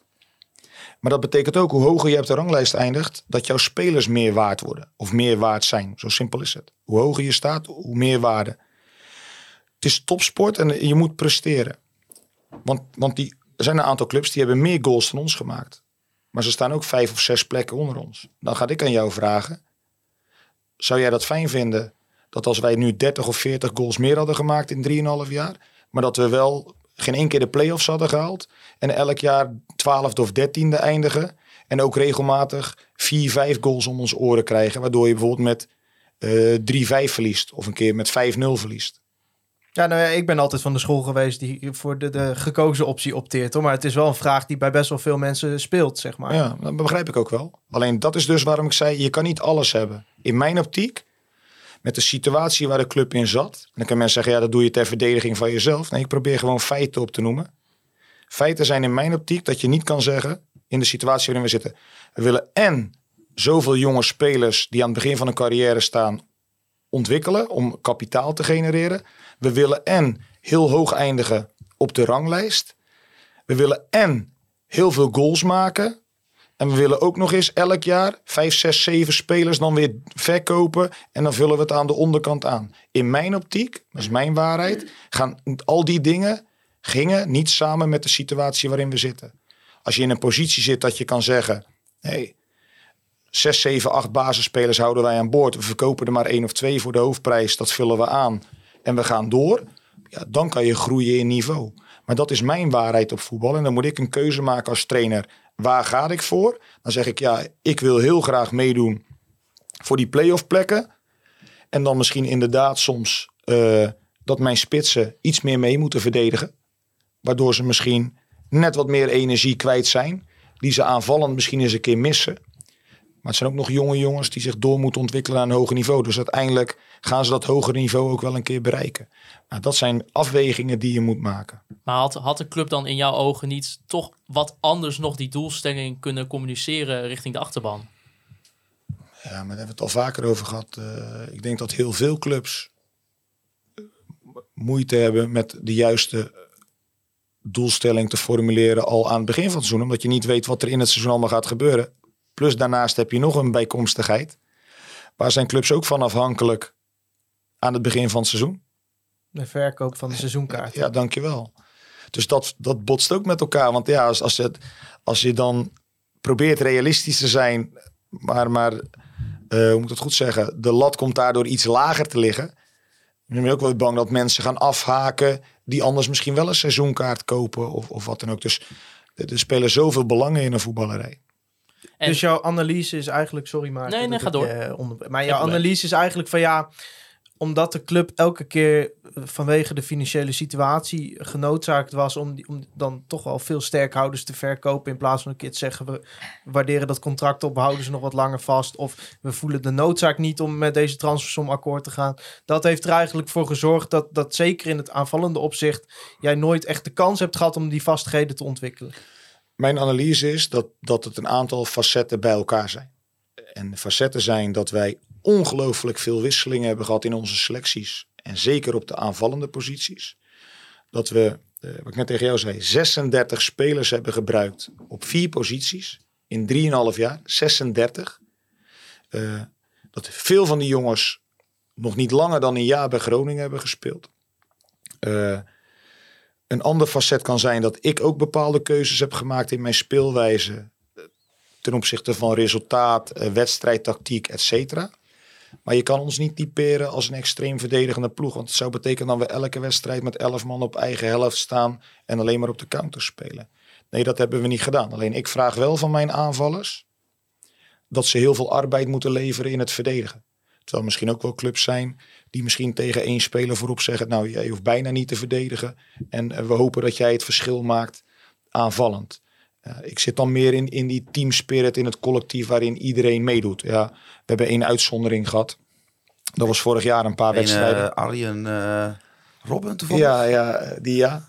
Dat was eigenlijk de enige uitzondering. Want ja, die was gewoon zo extreem in kwaliteit. Dat, dat, dat hebben wij nog niet gezien hier. bij deze club, niemand niet. Maar bij die, al die anderen creëer je een teamgevoel. Omdat je, je wil resultaat halen. Je wil hoog eindigen, zo hoog mogelijk. Want waarom? Dat levert ook heel veel geld op. Dan speel je mee voor de prijzen waar we mee voor willen voetballen. En dat is in ons, uh, uh, in onze vakgebied is dat de, de, de play-off plek en proberen Europees voetbal te halen. Want dat zou helemaal uh, een prijs zijn. Je hebt wel eens gezegd dit seizoen van ja, de dynamiek van die selectie is ook veranderd. Ik moet misschien mijn manier van coachen ook daar wat op aanpassen. Heb je het gevoel dat de huidige selectie misschien ook wat minder goed in dat idee wat je net beschrijft, dus dat collectieve gevoel, dat samen beginnen bij organisatie, dat, dat met deze selectie toch wat minder makkelijk gaat dan afgelopen jaren. Dat heeft ook met type spelers te maken. Kijk, uh, voorheen, uh, als je even in types wil praten om het wat duidelijker te maken voor de mensen. Ja, kijk, uh, je hebt bijvoorbeeld de categorie voetballerstypes. Deo, Zeefuik, uh, Mimicevic, Mike de Wierik, Matusiwa. Ja, dat, dat zijn natuurlijk hele andere type voetballers dan wanneer je bijvoorbeeld zegt, we pakken Patrick Joost, Daniel van Kaam, Irundoest, Cyril Engonge. Dat soort jongens, dat zijn hele andere type voetballers. Nou, dit jaar zie je wel dat we wat meer naar de, creatieve jongens zijn toegegaan. Hè. Uh, die soms met geniale uh, dingen kunnen doen aan de bal. Maar die op andere vlakken misschien weer wat minder zijn. Waar die andere jongens weer wat beter in zijn. Ja, daar is wel een verandering, uh, heeft daar plaatsgevonden. Ja, want als je toch een beetje in de statistieken kijkt, krijgt Groningen toch ook wel een hoop meer kansen tegen vergeleken met de eerdere seizoenen. Dus in die zin is het de speelstijl ook al wel een beetje aan het veranderen met de spelers die komen. Ja, absoluut. Omdat, uh, kijk, als je voorheen, uh, mijn eerste jaar had ik op een gegeven moment op het middenveld, uh, had ik gekozen voor Samir en, en Ludovic. Ludovic Reis. Reis, ja. Nog, ja. En dat, dat, was natuurlijk, zo omschrijf ik dan, dat was, was een muur. Ja. Daar kan bijna niet doorheen. Ja, maar die had je er niet staan om de opbouw te verzorgen. Nee, minder. Ja. Want ja, Ludo's kwaliteiten lagen in het extreme afjagen en, en ballen veroveren. En Samir ja, was als het ware eh, het cement. Die stond altijd positioneel goed. Nou, als een tegenstander lange ballen ging spelen, dan, dan, dan kopte hij er nog eventjes een paar weg. Eh, maar als je dat bijvoorbeeld nu afzet tegen een La Ros, ja, is een compleet andere middenvelder natuurlijk. Ik vind wel, je ziet La Ros echt groeien in de ontwikkeling ook van zijn verdedigende duels. Die, dat wordt gewoon gevraagd op dit niveau, dat, dat moet ook. Maar zijn extreme kwaliteit is natuurlijk aan de bal. En dat hebben we afgelopen eh, wedstrijd ook kunnen zien. Hoe die dan open draait, even versnelt en die steekbal geeft. Dus ja, door het type spelers krijg je ook al ander voetbal. Is Maar- dat ook een beetje wat je bedoelt dat je zegt dat spelers eh, ja, toch wel een aantal maanden nodig hebben om die ontwikkeling te maken? Omdat dan een Duarte, die je net aangeeft, zo'n andere speler is dan aan het begin van het seizoen. Terwijl op dat moment van hem verwacht wordt dat hij de opvolger van Matsiba is in principe. Ja, maar die categorie spelers halen wij niet. Kijk, als wij morgen Adem en zouden halen, mag je dat wel verwachten. Ja, Maar niet van deze jongens. En eh, het geldt voor ons allemaal. Kijk, ik kwam hier ook binnen als een eh, eh, beginnend trainer. 36 jaar, geen ervaring in profvoetbal. Ik durf te zeggen, als ik zie waar ik nu sta en waar ik toen stond, ben ik nu een veel, veel betere trainer. Niet ik perfecte trainer ben, maar ik ben een veel betere trainer. Omdat je, ik heb 3,5 jaar en dadelijk 4 jaar de tijd gehad om mezelf te ontwikkelen. Dat geldt voor deze jongens ook. Deze jongens komen van de andere kant van Nederland. Sommige jongens komen uit het buitenland, gaan voor het eerst op zichzelf wonen. Terwijl ze bijvoorbeeld daar voorheen bij hun ouders nog woonden. Moeten ze nu in één keer zelf gaan koken. En dan zeggen we zeggen, ja, het is topsport, je moet gelijk presteren. De meeste zijn ook gewoon nog kinderen. Eh, We, tijd geleden vorige keer een cursus bij eh, interne cursus met, met, met Karel Blijt. En die gaf aan dat je eigenlijk pas volwassen bent op je 25ste. Dat dan je brein volgroeid is. ja dat zijn er drie in de selectie, denk ik. Ja, het zijn er een paar. Maar, eh, nee, maar ik wil meer zeggen. Als wij dus hele talentvolle jongens halen van 18, 19, 20. Vaak zijn we heel snel geneigd om iemand na één slechte wedstrijd of één of twee maanden al eh, het etiket te geven van, van miskoop of mislukt. Nou, er zijn ook zeker wel een paar voorbeelden van eh, dat dat zo is gegaan. Want ja, niet, niet elke schot kan raak zijn. Maar er zitten ook wel een voorbeelden van van jongens dat als we die de tijd en de ruimte geven, dan is gewoon bewezen bij deze club in de afgelopen jaren, ook al een paar jaar voor mij trouwens, dat jongens zich kunnen ontwikkelen en dat dat zeker wat moois kan opleveren voor de club. Zit er dan ook, hè, buiten dat het misschien een verschillend type voetballers is die je in de ene selectie had ten opzichte van nu, zit er ook een, een mentaal of een stukje persoonlijkheid in wat het verschil maakt tussen die selecties? Ja, kijk, want eh voetbal is, is niet alleen een sport van, van eh, of je technisch goed kan voetballen of dat je goed kan verdedigen. Er komen heel veel facetten bij kijken. Het gaat om een balans in een elftal. Je moet creatieve jongens hebben die, die het verschil kunnen maken aanvallend. Maar je hebt ook jongens nodig die een bal kunnen afpakken of kunnen verdedigen. Je hebt jongens nodig met, eh, met kopkracht. Je hebt jongens nodig misschien met snelheid. noem het allemaal maar op. Maar daar zijn dit ook onderdelen van natuurlijk. Hè. De ene speler is mentaal heel sterk. Eh, de ene speler heeft heel veel voetbalslimheid. Dat hij weet in welke situatie eh, wat hij moet doen. Kijk, als je bijvoorbeeld gisteren Ajax-Vitesse kijkt. Ajax staat gewoon een paar keer in een ondertal in de omschakeling. Dus wanneer Vitesse de bal verovert om te gaan aanvallen, staat Ajax eigenlijk in een ondertal. Maar Alvarez leest dan zo goed op dat middenveld of die op het ene moment wel moet instappen om druk te zetten, op het andere moment op te houden. Ja, dat is voetbalslimheid, dat je weet in welke situatie je wat moet doen. Eh, en vaak zie je dat dat heeft enerzijds ook wel met individuele kwaliteit te maken. Anderzijds ook wel met dat als een speler meer ervaring opdoet. Dus hoeft niet per se een oudere speler te zijn. Maar gewoon wanneer een speler meer ervaring opdoet. Het kan ook een jongere speler zijn die op jonge leeftijd al heel veel wedstrijdervaring heeft opgedaan. Dat ze zich daarin ontwikkelen. Ja, want hoe zit dat dan in, in jouw selectie qua, qua mentaliteit of persoonlijkheden? Ja, bedoel je de balans of bedoel je gewoon hoe ik ervaar om met die jongens te werken? Nee, de balans daarin. Eh, nou, daar zijn we in het begin wel zoeken in geweest. Omdat je natuurlijk een hele hoop jongens had. eh, die nieuw komen bij de club. Die zich daarin moeten gaan ontwikkelen. eh, qua karakters. Eh, je, hebt extraverte spelers. Je hebt ook introverte spelers. Eh, ik bedoel, eh Zeefuik is extravert. Klapt er gelijk volop. Heel agressief.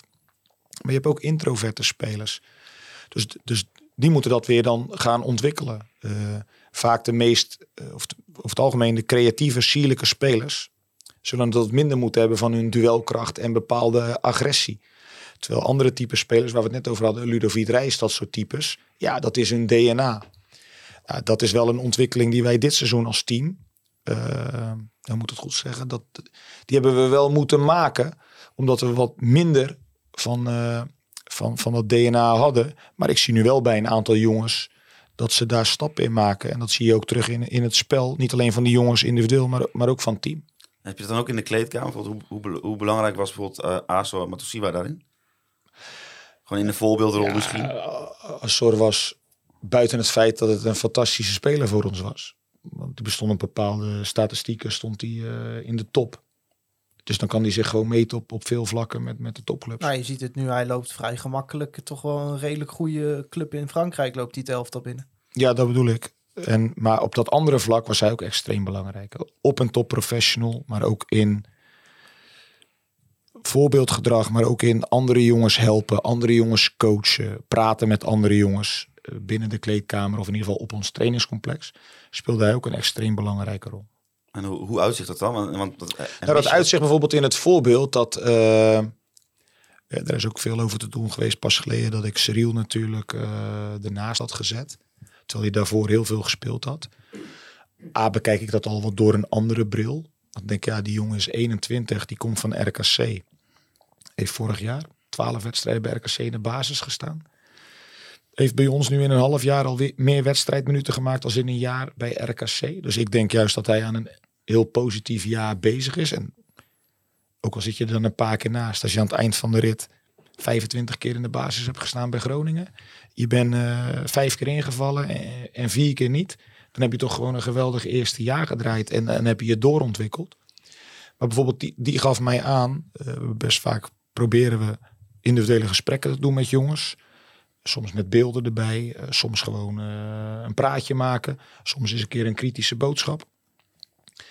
Ja, dat was wel een, bijvoorbeeld een jongen die aangaf dat, dat hij merkte toen Azor weg was. Want hij heeft natuurlijk vanaf het begin van het seizoen Azor meegemaakt. Spreken dan ook allebei Frans. Uh, wat daar in één keer voor hem wegviel. En dat is een mooie bevestiging voor ons als staf, als clubleiding. Dat je denkt, ja oké, dat zijn dus ook wel hele belangrijke dingen die meehelpen of bijdragen aan de ontwikkeling van een speler en de ontwikkeling van Want, het team. Wat viel dan weg? Waar zat dat hem in? In dat uh, Azor hem heel vaak op sleeptouw nam. Um, uh, dingetjes aangaf in de coaching, in de manier van werken, wat er verwacht werd. allemaal dat soort dingen. Ja. Soms misschien ook een beetje een soort grote broerrol of zo. Zeker. Want kijk... ook wel streng? Kon Azor dan streng zijn? Ja, Azor is wel een hele lieve jongen. Ik denk wel dat hij dat die, oprechte jongen, hele eerlijke jongen, betrouwbare jongen die zeker ook wel gewoon uh, zijn ding durfde te zeggen. Maar uh, nee, ik, ik, heb bijvoorbeeld... Uh, stel een speler schakelt een keer niet om tijdens een training. Ja, dan, dan confronteren wij hem ermee. hey, je moet omschakelen. Een tweede keer weer niet. hey, omschakelen.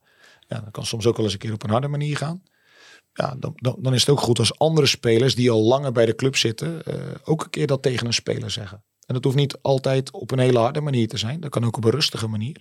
En soms is een harde manier ook een keer goed. Maar de boodschap bij een speler komt nog beter aan als het van meerdere kanten tegen die speler wordt gezegd. Als het alleen door een trainer wordt gezegd of alleen door een teamgenoot, komt het minder snel aan. Zo simpel is het. En dat moest ook helemaal weer opnieuw uh, ontwikkelen naar die 31 augustus. Een teamhierarchie, tuurlijk moet die ontwikkelen. Want er vallen gewoon drie hele bepalende spelers in het team weg ten opzichte van. Dus ja, je begint het nieuwe seizoen, dan ben je al in een nieuwe situatie. Want er zijn al best, waren best wel wat wisselingen in de zomer. En dan heb je, ga je de competitie beginnen. Dus dan heb je een bepaalde structuur en er is een bepaalde teamhierarchie. Ja, als daar in één keer, eh, wat is het, uh, zeven, acht wijzigingen zijn met uitgaande en ingaande transfers. Tuurlijk verandert het een teamhierarchie, absoluut. Maar die, die verandert al als er één of twee jongens binnenkomen. specifieke kwaliteit op dit moment dan? Of, of moet dat zich weer ontwikkelen? Of, of, want je hebt toch nog best wel ja, spelers ja, erbij je gaat, die echt wel drie, vierhonderd eredivisiewedstrijden in de, in de, in de... Ja, we natuurlijk met Bart en met Michael uh, zijn wel aardig op leeftijd zitten op de retour van hun carrière, gezien hun leeftijd. Te Wierik is die hebben die ervaring. Al, uh, Mike, wat ouder inmiddels. Ja. Nee, maar je gaat weer op zoek van wat het beste past bij dat team. En uh, als ik terug ga de tijd in, hebben we in het begin gewoon echt geprobeerd voor te borduren op wat we vanaf de start van het seizoen in de voorbereiding hebben ingezet. En de start van de competitie was prima. Want je wint uit bij Cambuur. Ook al was dat die wereldgoal van Jurgen in de laatste minuut. Maar het was een verdiende overwinning. Daarna kreeg je Utrecht thuis. Speelden we 0-0. Maar hadden we gewoon echt qua kansen moeten winnen. En dan had je die uitwedstrijd bij PSV. En dat was heel gek. Qua veldspel was dat echt een hele goede wedstrijd. Maar we verliezen gewoon met 5-2. En die doen bij mij wel heel pijn. Door vier spelervattingen. Uh, maar op zich, drie gespeeld, vier met dat programma. En ook de manier hoe we bezig waren. Dan was dat prima. Nou, dan krijg je die wisselingen. En dan denk je, laten we er hierop doorbouwen.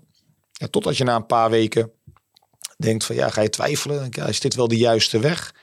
Er gebeuren wat dingetjes. Er komen schorsingen, blessures. Een keertje dat de VAR een keertje tegen zit. Nou, dat kan ook allemaal gebeuren.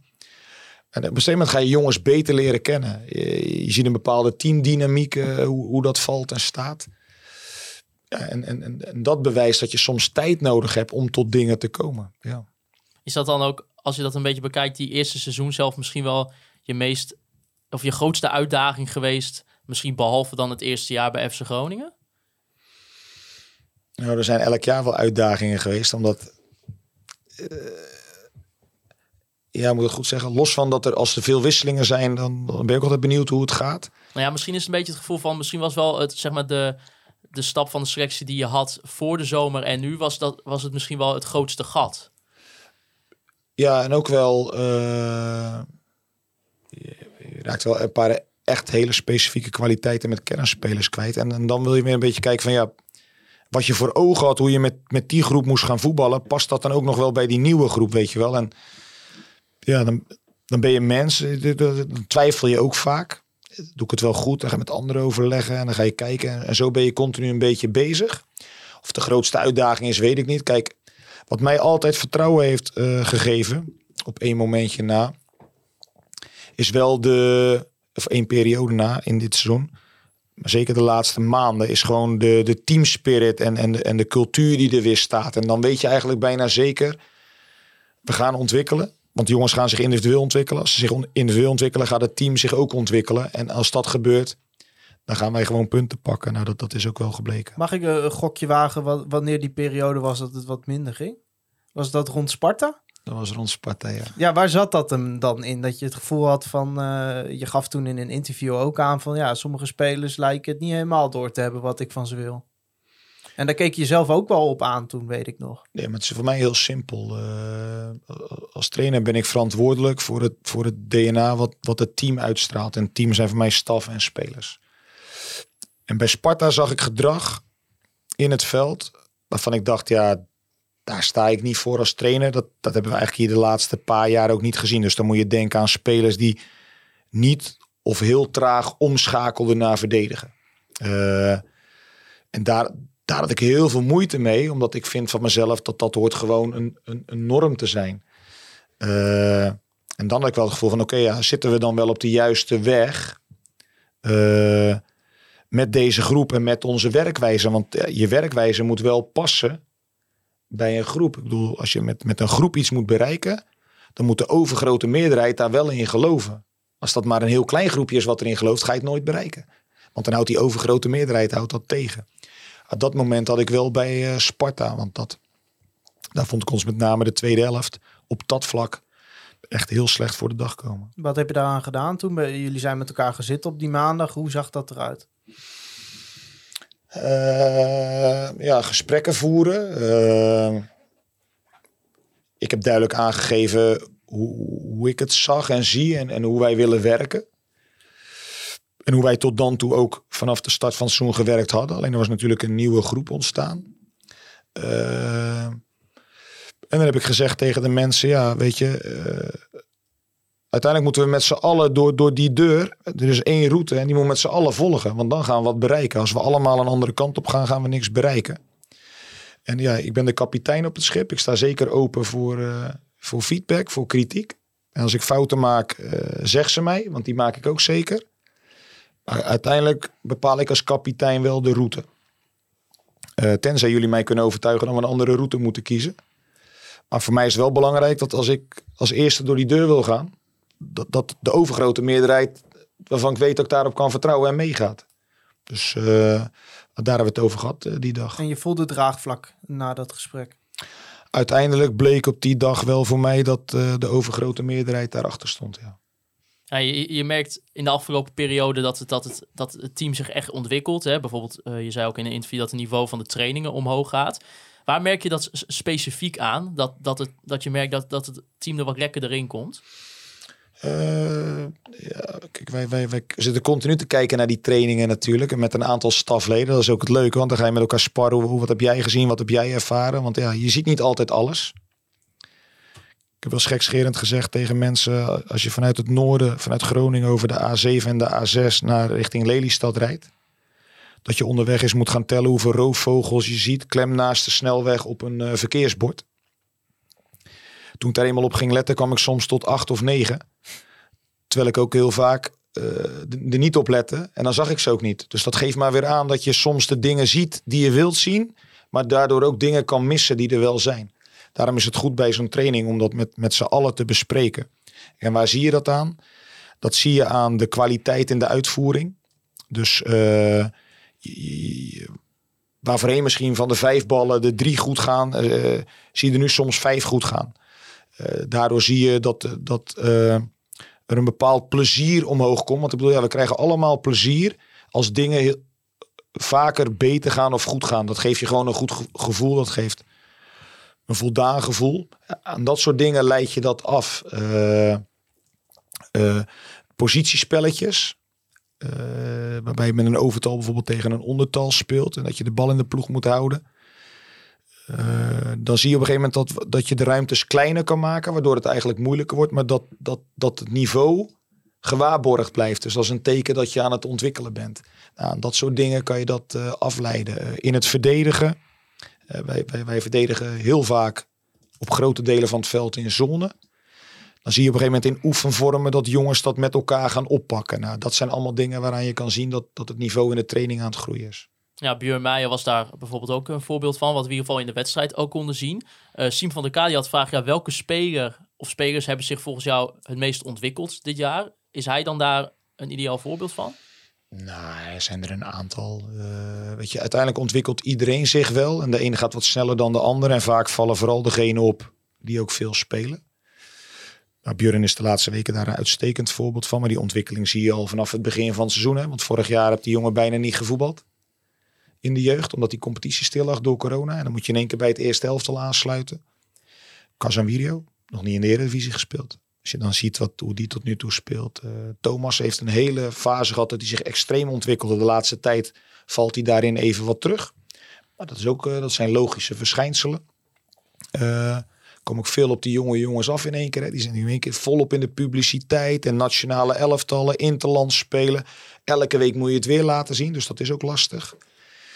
Eh, ja, Jurgen, die ik vind de laatste maanden eh, dat hij de handschoen enorm goed heeft opgepakt.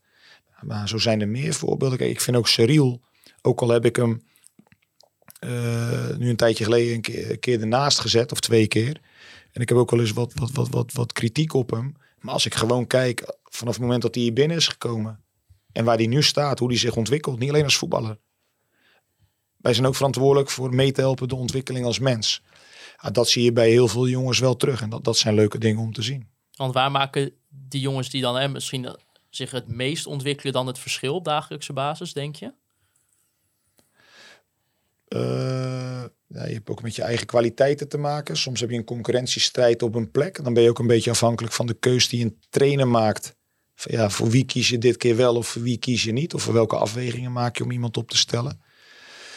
En eh, kijk, ik, ik kan zeggen dat het meer eh, deze gasten, als ik dat vergelijk met mijn tijd, heb ik wel eens vaker gezegd bij andere interviews, wat die er allemaal voor doen en laten om zichzelf te ontwikkelen, dat, is- dat is echt een hoop. Het is heel professioneel tegenwoordig. Als je kijkt naar voeding en hoe ze zich al voorbereiden op een training. Bedoel, wij gaan het trainingsveld op en we kunnen gelijk met de bal starten. Omdat ze die warming-up al binnen hebben gedaan. En na een training zijn ze weer binnen. En doen ze een cooling down. En dan doen ze nog allerlei oefeningen. Eh, met videobeelden. Er kan tegenwoordig heel veel natuurlijk in de individuele ontwikkeling. Maar wat het meest bijdraagt aan de ontwikkeling van de speler... zijn natuurlijk de wedstrijdminuten op het hoogste niveau. Die, die, zijn het, die hebben de meeste invloed op, op hun ontwikkeling. En, en, en bijvoorbeeld jongens die we dan wat minder tot nu toe hebben gezien in, in de wedstrijdselectie. Denk bijvoorbeeld aan eh Iran Dust, maar zoals bijvoorbeeld ook uh, K. December vroeg. Hè? Die was dan bijvoorbeeld benieuwd naar de ontwikkeling van Yaya Kari. Hoe zit het met die jongens? Nou, Dalla is een beetje zo pech voor hem. Uh, vervelend. Uh, natuurlijk twee keer uh, tegen een blessure aangelopen, waardoor hij er een paar weken uitviel. Dus ja, dan kom je al nieuw bij een club. Je komt al later binnen. waar die jongens ook nog eens mee te maken hebben, die komen midden in het seizoen. Kom je in één keer in een vreemd land. Je moet alles regelen. Papierwerk moet geregeld worden. En dan krijgen ze wel hulp bij.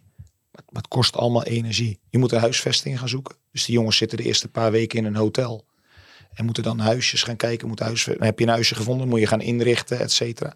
Dus dat zijn allemaal dingen die erbij komen kijken. Wat gewoon ervoor kan zorgen dat soms een prestatie van een speler nog niet op het niveau zit wat hij eigenlijk kan. Daarvoor hebben ze tijd nodig. Nou, Dalla is nu gelukkig weer uh, in training met de groep. Heeft afgelopen week ook uh, in de oefenwedstrijd uh, weer voor het eerst 45 minuutjes gevoetbald. Dus die is, die is weer aan het aanhaken. En Jaja, ja, vond ik dat hij in het begin toen hij kwam heel moeilijk had. Geweldig ventje om mee te werken. Enorm bereidwillig. Maar had het gewoon moeilijk. Dat, dat vond ik dat je dat kon terugzien ook in de trainingen en in die twee of drie wedstrijden die hij toen speelde. Nou, toen heb ik op een gegeven moment tegen hem gezegd, weet je wat, tot aan de winterstop. Ga gewoon even lekker bij onder 21 trainen en voetballen. Dat je gewoon lekker in, in, in je ritme kan komen. Dat je goed een, een, een, hoog niveau kan halen daar. En dan pakken we je na de winter, stroom je weer in. En ik moet zeggen, in de winter heb hij dan even lekker naar zijn familie kunnen gaan. En ik moet zeggen, nu die terug is gekomen, zien we in ieder geval een andere Jaja dan als we dat vergelijken met drie maanden geleden. En dan moeten zeker in mijn optiek nog wel een paar stappen bij. Maar het mooie voor hem is om te zien dat er wel degelijk weer een stap bij is gekomen al. En, en dat hij daar vandaan door kan bouwen naar een nog hoger niveau. En ja, we zullen gaan kijken of, of dat nog resulteert de komende periode in uh, wedstrijdminuten. Ja, volgens mij vond, had wel, zoals Verderes het een beetje bij ons verwoorden in de podcast, uh, die, tenminste dat idee krijg ik, die vindt uh, Kerry op dit moment zeg maar dan wel goed genoeg. Hoe, hoe gaat zo'n gesprek dan met Verderes als, als jij eigenlijk zegt van, nou, ik zie die jongen graag liever trainen momenteel bij onder 21? Dat, dat probeer ik te onderbouwen met, met feiten en argumenten. Dat probeer ik te onderbouwen met hoe ook andere stafleden er tegenaan kijken. Want zo'n keuze, het is niet zo dat omdat ik dat even vind of constateer dat ik zo'n keuze maak. We hebben dagelijks overleg met al onze stafleden. Dat zijn er aardig wat rond het eerste elftal. Met allerlei uh, mensen met een andere expertise. De een zit heel erg in fysiek. De ander zit meer in lifestyle. De ander, uh, twee, drie trainers die zitten meer op het voetbalgedeelte. Zo heb je allemaal verschillende input. Uh, ja, dat bespreken we gewoon. En ik moet zeggen, ja, dan, dan luistert Mark-Jan daarna. En ja, in dit geval gaat hij daarin mee. Als hij denkt dat wij daar de goede keuze in maken. Want ik bedoel, uiteindelijk hebben we op dat vlak allemaal hetzelfde belang. Hebben maar één belang, dat is die jongens helpen in hun ontwikkeling. Zodat ze zo goed mogelijk kunnen presteren. Want als ze zo goed mogelijk kunnen presteren, komt dat ten goede aan het team.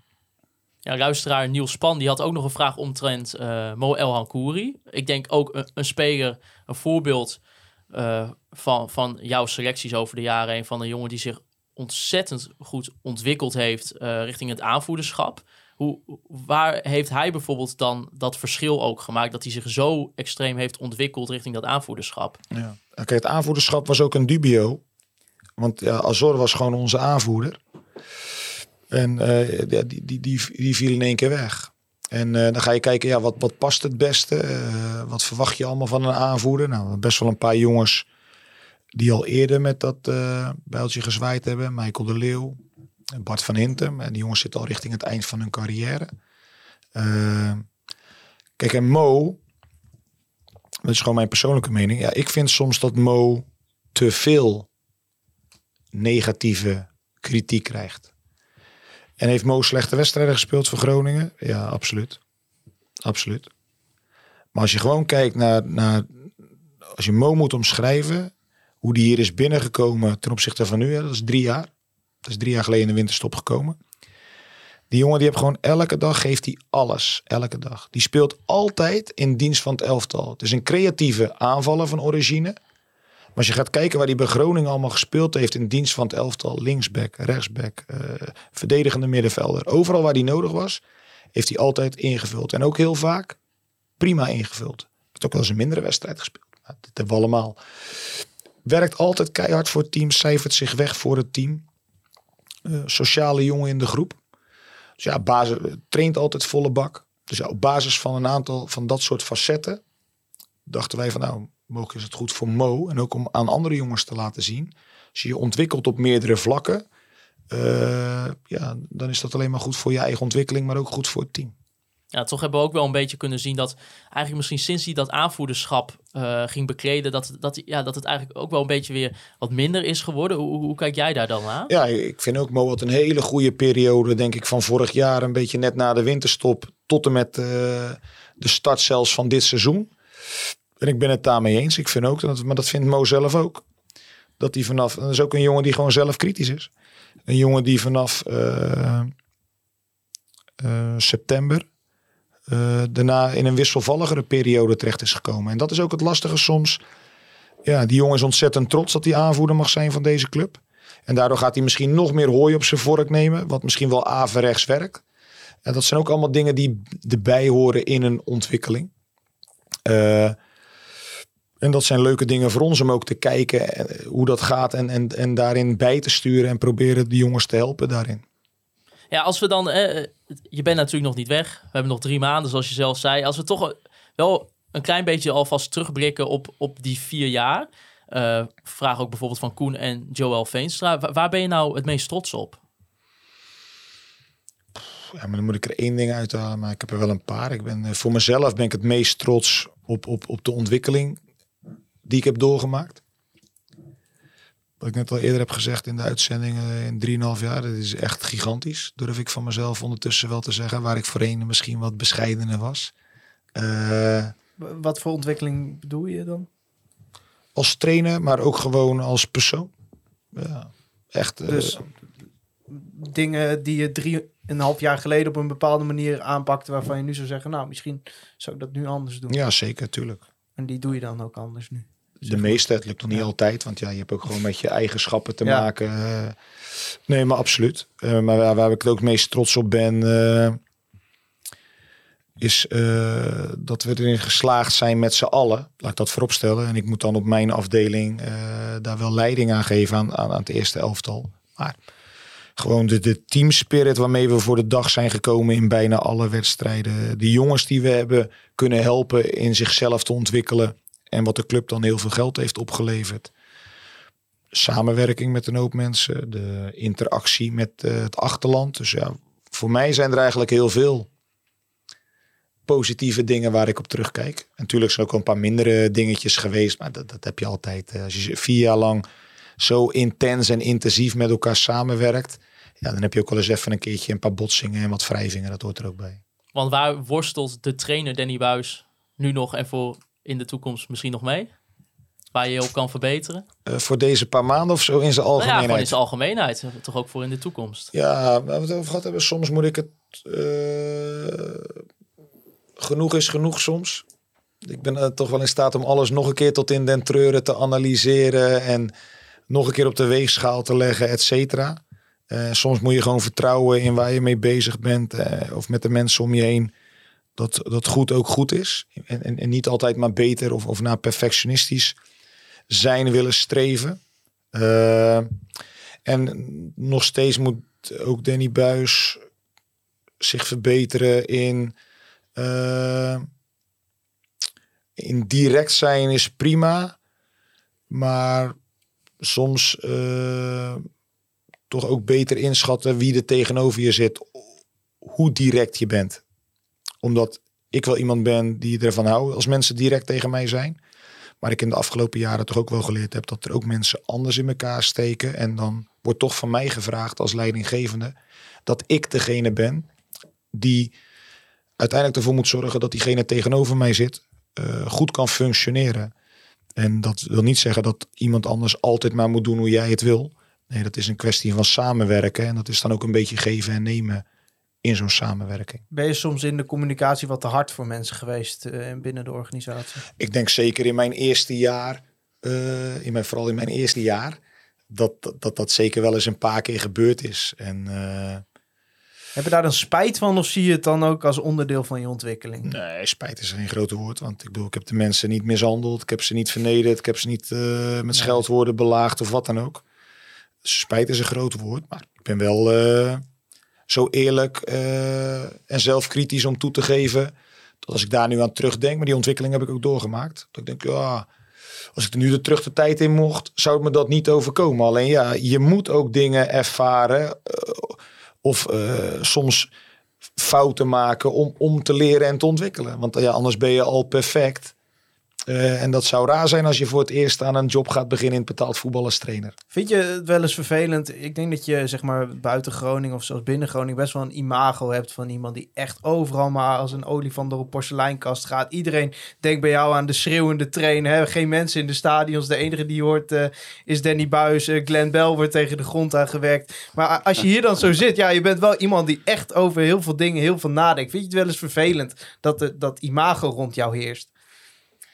Nee, kijk, je hebt ermee te maken met beeldvorming. Maar ik bedoel, eh, er zijn zoveel, of zoveel, kijk een beetje over, maar een flink aantal spelers die mij nog structureel eh, een bericht sturen. Eh, je hebt ook individuele gesprekken met jongens. Waarbij soms jongens bepaalde dingen aan je vertellen in vertrouwen. Die ze misschien wel helemaal met niemand anders delen. Of waarbij ze, we meegemaakt, jongens soms in huilen uitbarsten omdat ze met iets zitten. Dus dan moet daar een bepaalde relatie eh, zijn. Weet je, dat krijg je niet alleen maar door heel de dag te schreeuwen eh, tegen iemand. Stockholm-syndroom. Ja. Nou ja, maar soms, doe- soms schreeuw ik ook wel eens tegen iemand. Maar omdat, dat, dat ben ook ik een beetje hoe ik ben.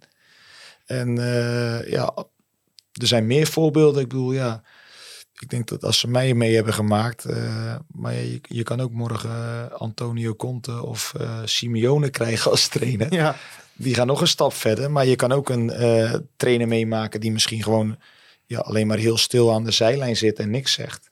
Ja. ja, wat, je- wat je eigenlijk probeert te zeggen is van dat contact en, en die banden die je opbouwt zijn voor jou belangrijker dan de beeldvorming. Ja, maar ook omdat ik denk dat de beeldvorming, hoe ik hem ervaar. Ik, ik spreek natuurlijk niet iedereen. Eh, social media, dat volg ik helemaal niet, want dat vind ik ook helemaal niet zo boeiend. Want daar roepen de meeste mensen dingen vanuit de emotie. Of vanuit een anonieme naam. Nou, dat, dat kan ik al helemaal... Vanuit de emotie, daar hou je helemaal niet van natuurlijk, om daar eh, te, te spreken. J- Mijn Jawel, maar ook niet trouwens. ja, nee, dat, dat doe ik ook wel eens. Alleen ik wil meer zeggen, daar is ook niks mis mee. Nee. Maar dan moet je het ook niet zo serieus nemen. Want vaak komt de relativering één of twee dagen later. Dus daarom is het voor mij op het moment dat dat gebeurt geen maatstaf over of diegene dat ook daadwerkelijk meent. Omdat vaak de emotie hem de verkeerde kant op stuurt. Ja, Thijs. Maar jij bent er ook zo in. Ja, ik ben wel een wat emotionele supporter. Ja, maar dat, is toch ook, dat, dat hoort ook bij supporter zijn. Ik bedoel, ik ben ook supporter. eh, Ook tien jaar bij een club op tribune gezeten. Dan doe je dat vanuit de emotie. Dan denk je soms, dag daarna, ja, dat slaat eigenlijk nergens op dat ik dat gedaan heb. Dat, hoort er een beetje bij. Dus, maar, nou ja, ik merk van de mensen om mij heen, of, of als ik bij andere clubs kom, of van spelers, eh, de- dat dat dat dat imago best wel meevalt. Maar er zullen er ook een paar zijn die dat wel hebben. Ja, ik heb ook niet het illusie dat, dat iedereen mij eh, een geweldige gozer vindt. Wat ik bedoel, ja. Er zijn er maar weinig hoor, die door iedereen eh, aardig gevonden worden. En ik wel een van de weinige trainers waar ESPN een, een speciale camera op zet op een gegeven moment. ja, kijk, en daar word ik wel eens moe van. Ja, dat kan ik me heel goed voorstellen, ja. Nee, maar meer om het feit ook... Zeg je dat dan ook tegen hun? Van, nee joh, Ja, dat, heb ik, dat heb ik één keer gehad bij Cambuur en dat had ik niet moeten doen. Maar toen zat die camera continu in de weg. Dan konden wij de wedstrijd niet eens zien. Dat is toch bizar, kun je werk niet eens doen. Maar... eh, Heb je Nee, ze dat maar- ook op deze toon verteld? Of heb je ze Nee, dat toen op een gegeven moment Henk de Jong van Cambuur liep er ook te klagen over. En, maar op een gegeven moment hadden we het twee keer gezegd. Dus ik bleef staan en toen pakte ik hem nog even bij zijn arm. Toen zei ik nou wegwezen. Eh, want ja, je bent gewoon je werk aan het eh, doen. Ja. Maar nee, ik wil meer zeggen... Kijk, het kan ook... Je, je- dat is tegenwoordig wel met de media. Ja, je kan, je, kan snel aan beeldvorming doen. Want je, je kan met één of twee shotjes een beeld vormen... alsof dat de standaard is. Snap je wat ik bedoel te zeggen? En dat is wel eens vervelend. Aan de andere kant is dat... eh, in 2022 ook de tijd waarin we leven. En dan proberen wij nu ook. We filmen jou nu. En als je dan één klein dingetje zegt, dan halen we dat eruit. Dan zetten we dan online. Ja. Maar zo, zo gaat het met sommige dingen zeker tegenwoordig. Maar aan de andere kant, ja, het is zoals het is. Ik maak me daar ook niet te druk om. Hoor. Je hebt in de afgelopen vier jaar, eh, er- denk ik, hè, zoals wij het ook eh, zien vanaf de tribune, een hele goede band opgebouwd met de supporters. Patrick Keijzer was dan ook nog benieuwd. Kunnen we Danny Buis, ondanks dat hij vertrekt na dit seizoen, nog een keer verwachten op de tribune in supporters home? Ja, dat ligt er natuurlijk aan wat mijn situatie gaat worden. Maar eh, kijk, dat mijn binding met deze club er is, dat mag wel duidelijk zijn. Dus, dus dat zal zo blijven. Want ook in mijn jaren tussen dat ik speler was van Groningen en uiteindelijk trainer werd, ben ik nog regelmatig hier eh, in Groningen geweest. Ja, niet, niet structureel elke week of zo, maar eh, één of twee keer per jaar probeerde ik altijd wel langs te komen als het past in mijn eigen schema. Ja. Ferdi, wij willen jou ook er nog even bij haren. Ja, want jij zit hier al de hele tijd. We hebben het nog niet eens benoemd. Het is eh, half twaalf. Als Ja, het het is, het, eh, je was hier om zeven uur, Danny. Het, het wordt een lange avond op Het deze wordt zo'n hele lange avond. Want ja, eh, Danny benoemde het eigenlijk ook al in het begin. dat Ferdi, die is een boek aan het schrijven. Ferdi Degis, jij bent ook natuurlijk bekend vanwege het boek wat je bijvoorbeeld over Erik Nefland hebt geschreven. Hoe kwam je op het idee om een boek over Danny Buis te maken? Eh, nou ja, Danny noemde het al eerder. eh, het vorige boek, of eh, boek voor eh, er staan er twee op de koffer. En dat was dus Danny en Erik. En nou ja, dat was niets voor ni- niet voor niets natuurlijk. Dus eigenlijk, zijn er twee redenen. Eén, je hebt een bepaald gevoel bij die mensen, of in ieder geval die spelers. Voormalige spelers dan. Ja, ik vind dat gewoon Terwijl twee totaal verschillende mensen zijn met ja, de twee perfecte spelers die ik graag voor mijn club zie. En het verhaal die die twee eh, mannen bij zich dragen, die wil je gewoon vertellen. En eh, Danny, toen, toen kwam Ferdi naar jou toe en die zegt ik wil een boek schrijven. Wat dacht jij toen? Nou, in het begin moest ik daar niks van hebben.